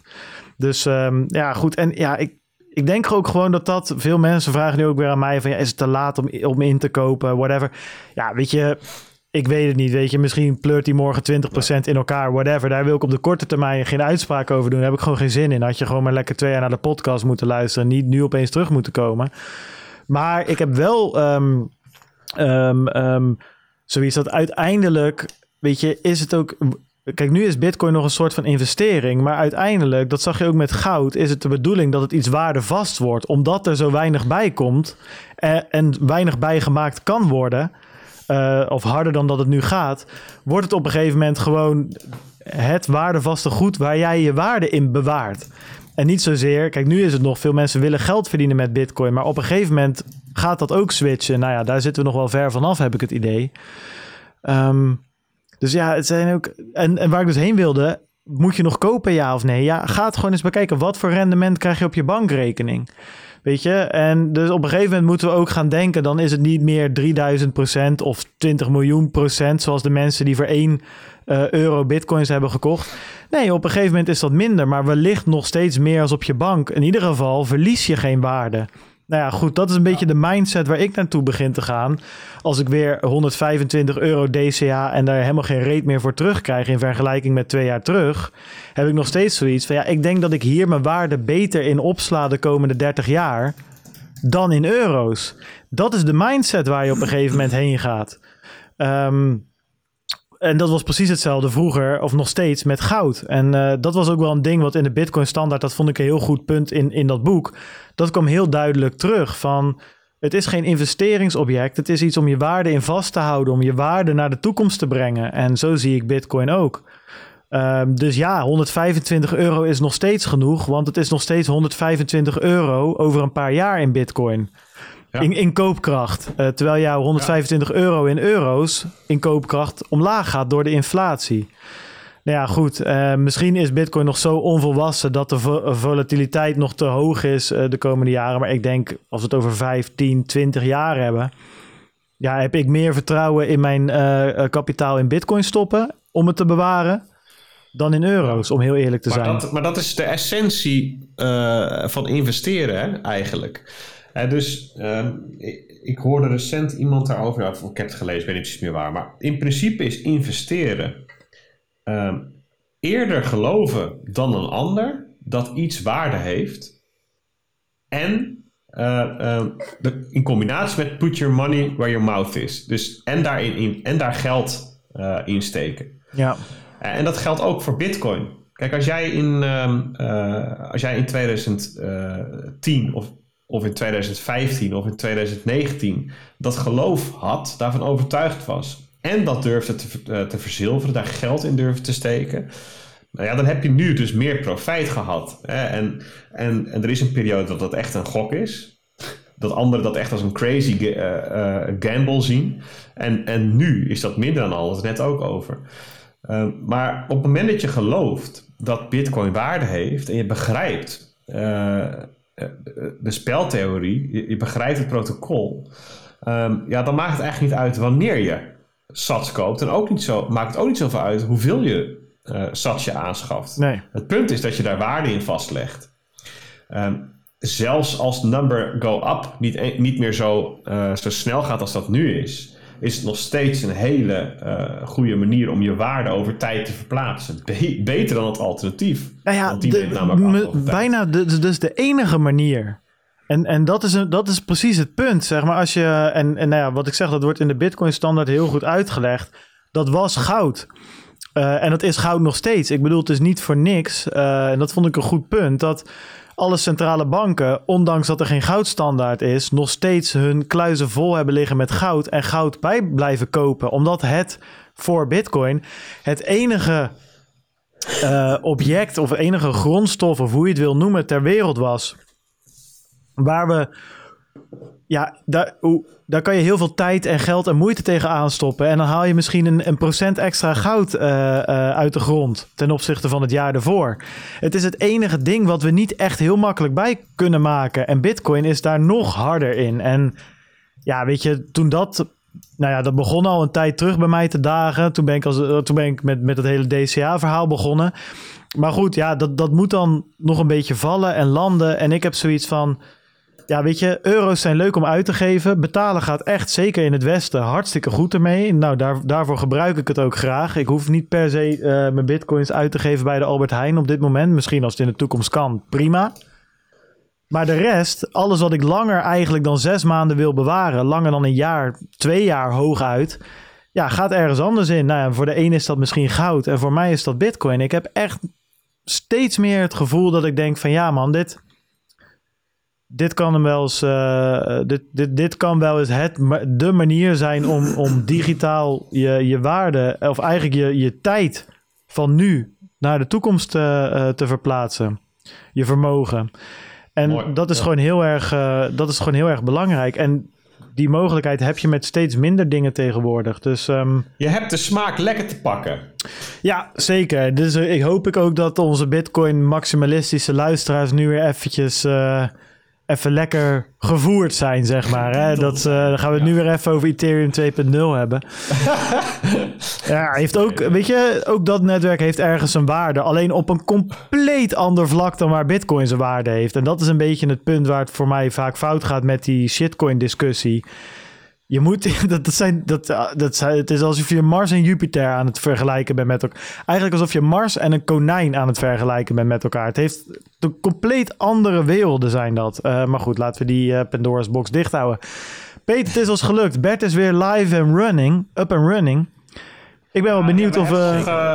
we hebben nog iets over all-time high en wat dat betekent. We hebben nog iets over OCC natuurlijk. Hè. Dat was echt wel de bom deze week. Ik, ik kreeg de indruk, als ik Twitter moest geloven, dan was dat het meest bullish nieuws in, in de afgelopen 30 jaar. Want toen bestond Bitcoin niet. Maar, eh, dat, dat, Moet je voorstellen. Ja, precies, ongekend. Um, hoeven daar op zich niet. Hè. We, eh, kijk, we moeten ook een beetje rekening houden met de aandachtspannen van onze luisteraars. Hè? Want van Bert, die was net gewoon even 10 minuten verdwenen.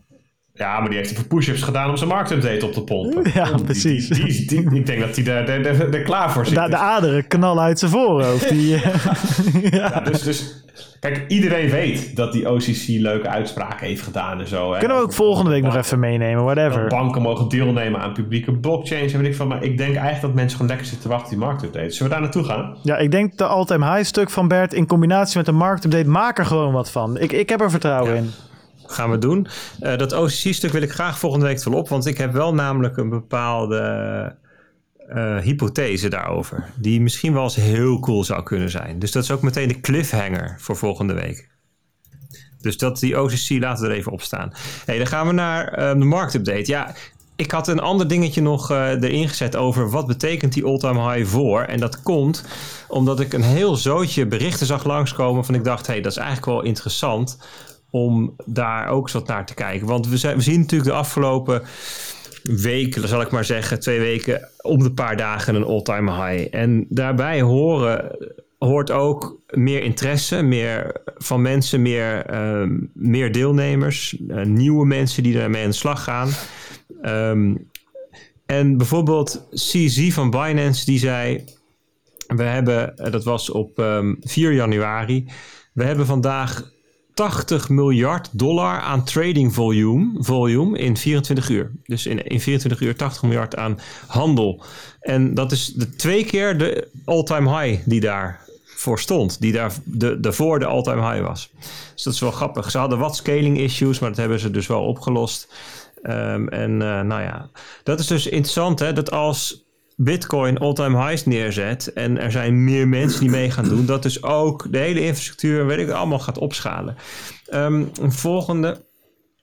Ja, de blockchain. Want Bitcoin is natuurlijk niet alleen het, muntje. We kennen al, het muntje heeft een prijs, kun je kopen, kun je verkopen. Maar dat draait met blockchain. En die blockchain, die, dat zijn dus de blocks die ruimte innemen. In 2020 is de blockchain gegroeid van 256 gig naar 319 gig. Nou, vond ik wel grappig. Dat weet ik toevallig, want ik was mijn, uh, mijn note aan het updaten. Ik heb er eentje uh, gedaan met, um, met Umbrel met een SSD. Kan ik iedereen aanraden, gaat als een Jacko twee dagen en je bent er. Misschien met een uh, iets langzamere Raspberry Pi drie dagen. Ik heb er eentje met een ouderwetse harde schijfbed. Dat ding ligt al vier weken te, te, te zinken. Het is niet normaal, niet te doen. Dus goed, even een. Uh, ik wist toevallig inderdaad hoe groot die blockchain size was. Want ik heb het echt drie weken naar, naar zitten kijken via die note. Maar goed. Ja, ja precies. Dus, dus dat betekent um, uh, die 25% groei is best wel veel natuurlijk. Um, uh, hè, want dat is een vierde uh, erbij. En het, Bitcoin bestaat 12 jaar. Dus de, laatste jaren komt er meer bij. Dus die blok, zitten gewoon vol allemaal. Ja, ja. Maar je ziet ook dat die, dat groeipercentage... het gaat natuurlijk steeds, wordt steeds lager. Want de block size is nou eenmaal ge, uh, beperkt. En als die bloks vol zitten, zitten ze vol. En 10 minuten is 10 minuten. Um, dus relatief gaat er steeds minder bij komen. Hè? Dus je gaat nu... Elk jaar gaat er waarschijnlijk... Ja, dat vul ik maar even zo in. 60 gig bijkomen, zoiets waarschijnlijk. Dus dat is... Um, ja, interessant, interessant vond ik om even te zien.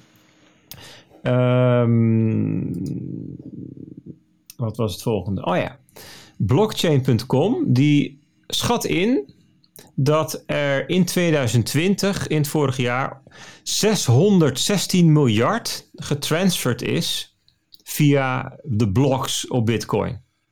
Dat is bijna 20.000 dollar per seconde. Wat er dus overheen gaat. Dus op de blocks. Dus dat is niet op het Liquid netwerk, niet op het Lightning netwerk. Dat is niet de transacties op een exchange. Dat is dus niet het handelen, de traders die op een exchange blijven. Dat is niet leveraged verkeer bij BitMEX. Het is puur wat er in de blocks daadwerkelijk aan waarde overgedragen wordt. Maar ja, dat is natuurlijk een schatting. Want wat moet je doen om die waardeoverdracht vast te stellen? Dat, dan moet je dus onderscheid maken tussen een output die een betaling is en het bedrag wat terug naar jezelf gaat, de change. Dat betekent dat die schatting niet helemaal perfect is. Dus blockchain.com kwam 616. En dat zei Jameson Lobb. En hij zei ja, um, om te laten zien dat deze heuristiek een beetje kunnen, uh, kunnen verschillen. Coinmetrics die schat dat in 2020 999 miljard um, uh, overgedragen is. Uh, een gemiddelde van, van 31.000 per seconde. Maar goed, laten we het even als ordegrootte neerzetten. Dus tussen de 500 en de 1000 miljard dollar aan waardeoverdracht op de blockchain vastgelegd. Nou, vond ik wel weer cool. En dat gaat dus omhoog. Um, ja, omdat natuurlijk ook Bitcoin gewoon steeds meer waard wordt en uh, um, nou ja, meer gebruikers zijn. Want, over meer gebruikers gesproken, um, er zijn nu 12 miljoen adressen met meer dan, meer dan 100 dollar erop en 5 miljoen adressen met meer dan 1000 dollar erop. Nou, dat gaat natuurlijk omhoog. Simpelweg omdat Bitcoin meer waard wordt. En als ik even kijk in het, in het grafiekje, dan zie ik dus nou ja, iets van uh, 1,6, 1,7 miljoen adressen met meer dan uh, 10.000 dollar erop. Dat is wel uh, serieus. Met meer dan 10.000 dollar aan Bitcoin. Um, Even kijken. Ja, en dat vond ik ook wel grappig. Dit is um, Willy Woo, die zei wat over. Um, ja, het narratief is institutioneel geld. En ja, wat we dus ook zien, is. Het is, hij zegt, it's whale spawning season. Het, uh, er ontstaan allerlei nieuwe whales. Dus er zijn allerlei mensen die nu voor meer dan uh, duizend, ik geloof de grens is duizend bitcoin. Hè? Dus dat is als je meer dan duizend bitcoins in je, in je wallet hebt, dan ben je een whale. Dus dat is op dit moment 30 miljoen. Nou, wat zeg ik? 39 miljoen. Wat zeg ik? Bijna 40 miljoen. Want de bitcoinprijs tijdens... Ja, ik wilde net zeggen, ik voel me net die raaf uit die meme, weet je wel. Dat jij er als dat leuke vogeltje een beetje over hash rate en blockchain size en transaction volume en dat Peet en ik hier zitten. De koers, de koers. Kijk je niet naar de koers? ja, die komt vanzelf. Ik probeer het een beetje op te rekken totdat we... nou, ik zit, hier, ik zit hier met Bitmax open. Ik zit hier alweer helemaal twitching achter mijn... Uh... maar goed, ga snel verder Bert, ga snel verder. Ja, dus er zijn nu. Um, uh, er waren. In september waren er 1850 whales, 1850 adressen met meer dan 1000 bitcoins. En dat zijn er nu al 2050. Dus er zijn um, ehm, 200 whales bijgekomen in die tussentijd. Dat is op zich gewoon wel weer grappig. Nou, dat vond ik wel weer een leuk, uh, leuk uh, feitje voor de Bitcoin Pub Quiz. Wanneer gaan we die doen eigenlijk? Dat is ook wel weer leuk. Ja. Hashtime op een all-time high. Hadden we al gehad. Nou, die slaan we dan verder lekker over. Ja, en iemand die zei van, dat vond ik wel leuk. Um, als je van 10.000 naar 100.000 gaat, dan zit je bij 31.000 op de helft als je denkt in verdubbelingen. En daar denk jij in? Daar denk ik, nou ja, Bitcoin wordt vaak getekend op een logaritmische schaal, omdat het natuurlijk een soort van exponentieel groeit. Ja. En we gaan nu van 10 naar 100.000 en daarvoor van 1000 naar 10.000. Um, en als je dus verdubbelt, als je kijkt in verdubbelingen van 10 naar 20 naar 40 en 80, hè, dan, dan, dan, dan, is de, dan zit je op, de, op 31.000 op de helft. Dus we zitten over de helft in de zin van verdubbelingen. Nou, goed. Interessant. Vond ik leuk, uh, ook weer leuk. Ja, vind ik wel een geinige insteek eigenlijk. Um, ja, we gaan het natuurlijk zo meteen hebben over de koers. Want die zit namelijk nu op 39.345. Goeiedag. Wanneer was de live show vorige week? Dat was op uh, eh, 30, ja, het was 30 uh, december. Toen was het 28.000. Toen waren, vonden we het... En toen zaten we tegen die Kijk, 30, die Fabgas credits voor de 30k waren, hadden we toen over. Bijna, ja, dat is bijna gelukt. Want het gebeurde niet. Want wanneer ging die door de 30 echt? Ja, een paar dagen daarna. Dat was net niet in de live show. Dat had het helemaal afgemaakt. ja, dat was op 2 januari. Op 2 januari gingen we door de 30. En het is nu 7 januari. En we zitten nu op 39.000. Ja, en het is wel apart, hè. Want bedoel, het maakt echt geen hol uit wat er gebeurt. Of... of um, er nou miljarden worden gedrukt, of dat er vaccins worden gezet, of dat idioten het White House bestormen of het Capitool. Bitcoin gaat gewoon omhoog. er is gewoon geen, geen houden aan. En als je kijkt naar analisten die wat zeggen over wat er on-chain gebeurt, dan krijg je uitspraken als: um, This rally is far from done. Uh, want wat ze zien is. Um, ja, dat mensen die het kopen allemaal dat ook van de exchange afhalen. Dus dat er netto uitflows, outflows zijn, dus uitstroom is van de exchanges af. Het is niet zo dat er, ja, we hadden het tijdens de live show aan de hand van uh, dat artikel van Mark van der Seijs over um, hoeveel de reflexiviteit, de, re reflexivity van Bitcoin, hoeveel dollar moet er nou bijkomen uh, voor hoeveel dollar moet je bitcoin kopen om... Uh, nou, als je voor 1 dollar bitcoin koopt, hoeveel gaat de market cap dan omhoog? Hè? Dat, dat, dat, is, dat is dat verhaal. Um, en dat was in vorige boerens lager, um, namelijk 1 dollar uh, aan bitcoin instroom erbij, maakte de market cap 2 dollar hoger. En, het, en de reden daarvoor was, zei men, het waren de whales, het waren de bestaande houders van bitcoin, die verkochten bij het omhoog gaan van de koers. Hij zegt, dat is nu niet.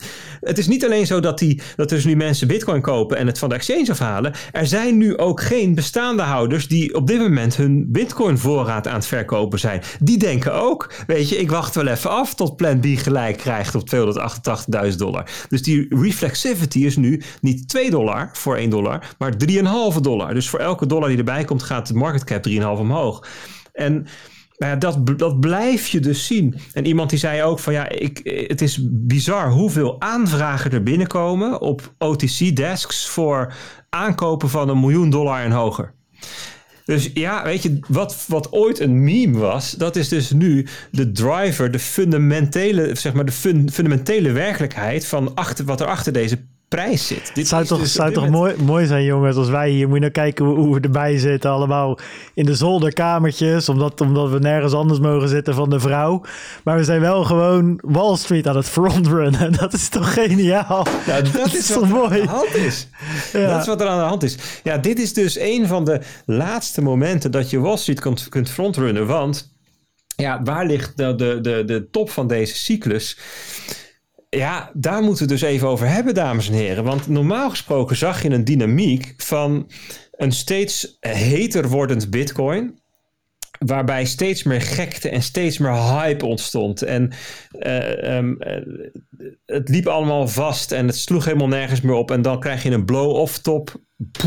en dan crasht het 80% naar beneden of zoals na 2017 85%.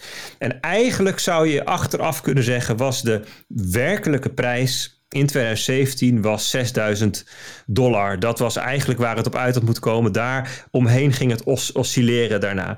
dus van 20.000 naar 3000 en dan naar 14 enzovoort.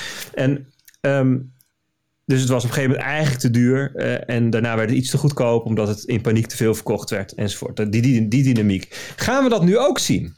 Gaan we nu naar, naar, naar een ton, naar anderhalve ton of twee ton en crasht het daarna naar 30 of 40.000 dollar? Dat is de vraag. En ik zie steeds meer um, analisten die zeggen: Nou, het zou wel eens kunnen zijn dat we nu niet zo'n cyclus krijgen als de vorige, maar dat we nu dat we nu eigenlijk gewoon steadily doorgaan naar een ton, naar twee ton, vier ton, acht ton, naar een miljoen. En uiteindelijk in de loop der komende jaren dat Bitcoin gewoon zijn uiteindelijke uh, waarde krijgt, zijn uiteindelijke prijs krijgt, uiteindelijk uh, de, de, de, de prijs gevonden wordt waar het voor moet traden. En dat noemen ze dan een supercycle. Dus is dit, is dit de laatste cycle, zou je kunnen zeggen? Dat is een interessante vraag en er zijn er steeds meer die zeggen, ja, ik zie daar aanwijzingen voor. En, um, Misschien interessant om eens terug, terug te zoeken hoe dat in, uh, in pak een beet uh, 28 december 2017 was. Zeg maar, wat zeiden de analisten toen? Zeiden ze ook van, uh, joh, we gaan nog naar de 40 of 80 of whatever. Ik weet het namelijk even niet meer zo goed. En mijn, mijn gevoel zegt van niet, uh, maar dat is vooral nee. mijn gevoel.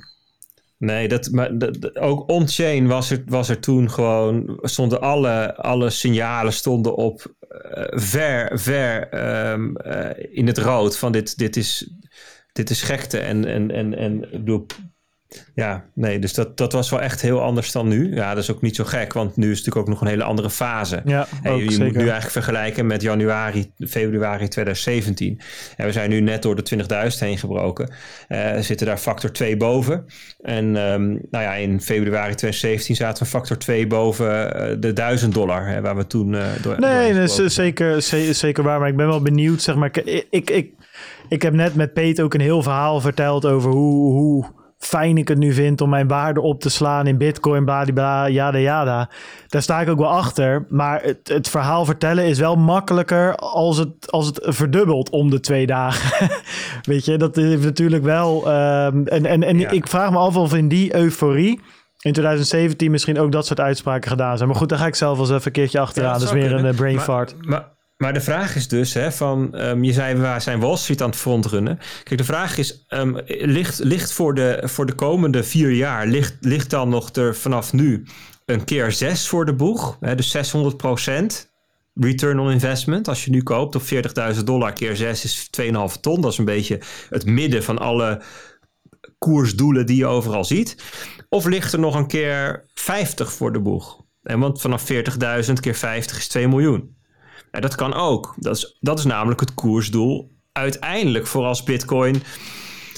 Um, nou ja, noem, of noem het hyper-Bitcoinization of noem het um, fase 5 of 6 van Plan B zijn plan. Verzin het maar hoe je het wil noemen.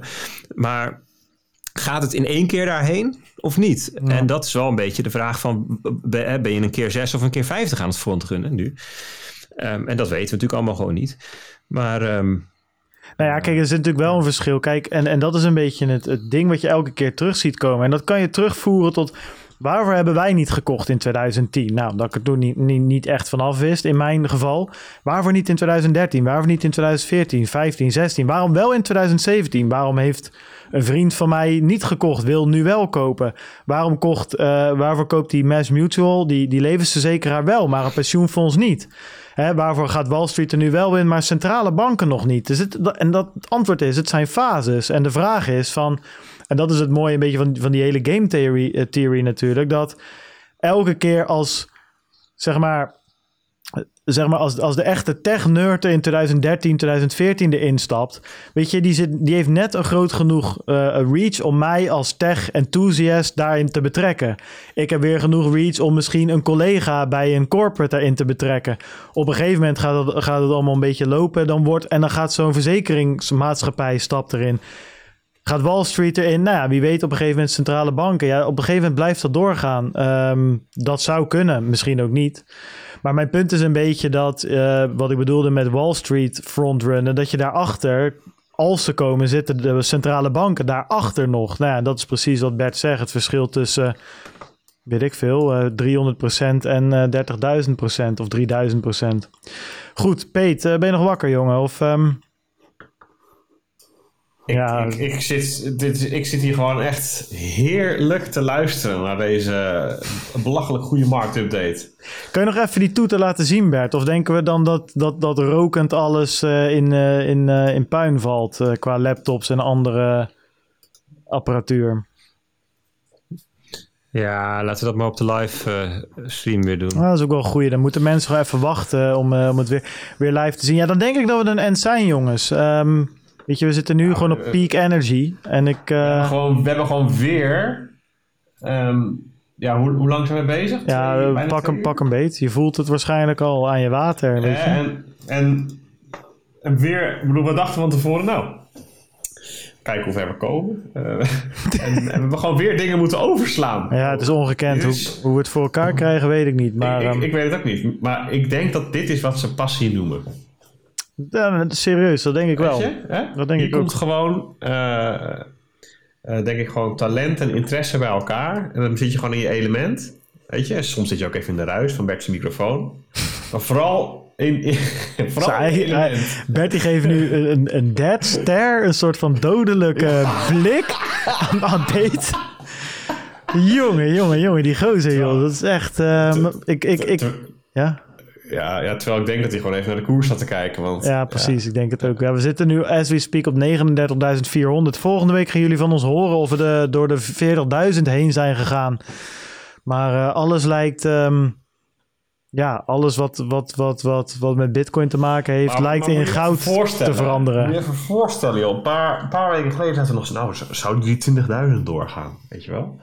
En dan is dat gewoon twee keer hoger dan, dan dat glazen plafond. Nou ja, kijk, dan, weet je, heb jij niet, kijk, die 20.000, daar had ik wel, wel vertrouwen in. In de zin van, weet je, dat, dat zaten al zo lang tegenaan te hikken. In de zin van, dat was de magische grens. Het was meer, en dat, daar zitten we nu middenin.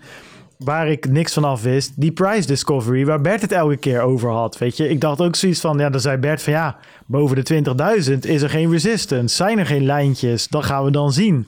En dat zijn we nu aan het zien. En dat is um, complete gekte, blijkt nu.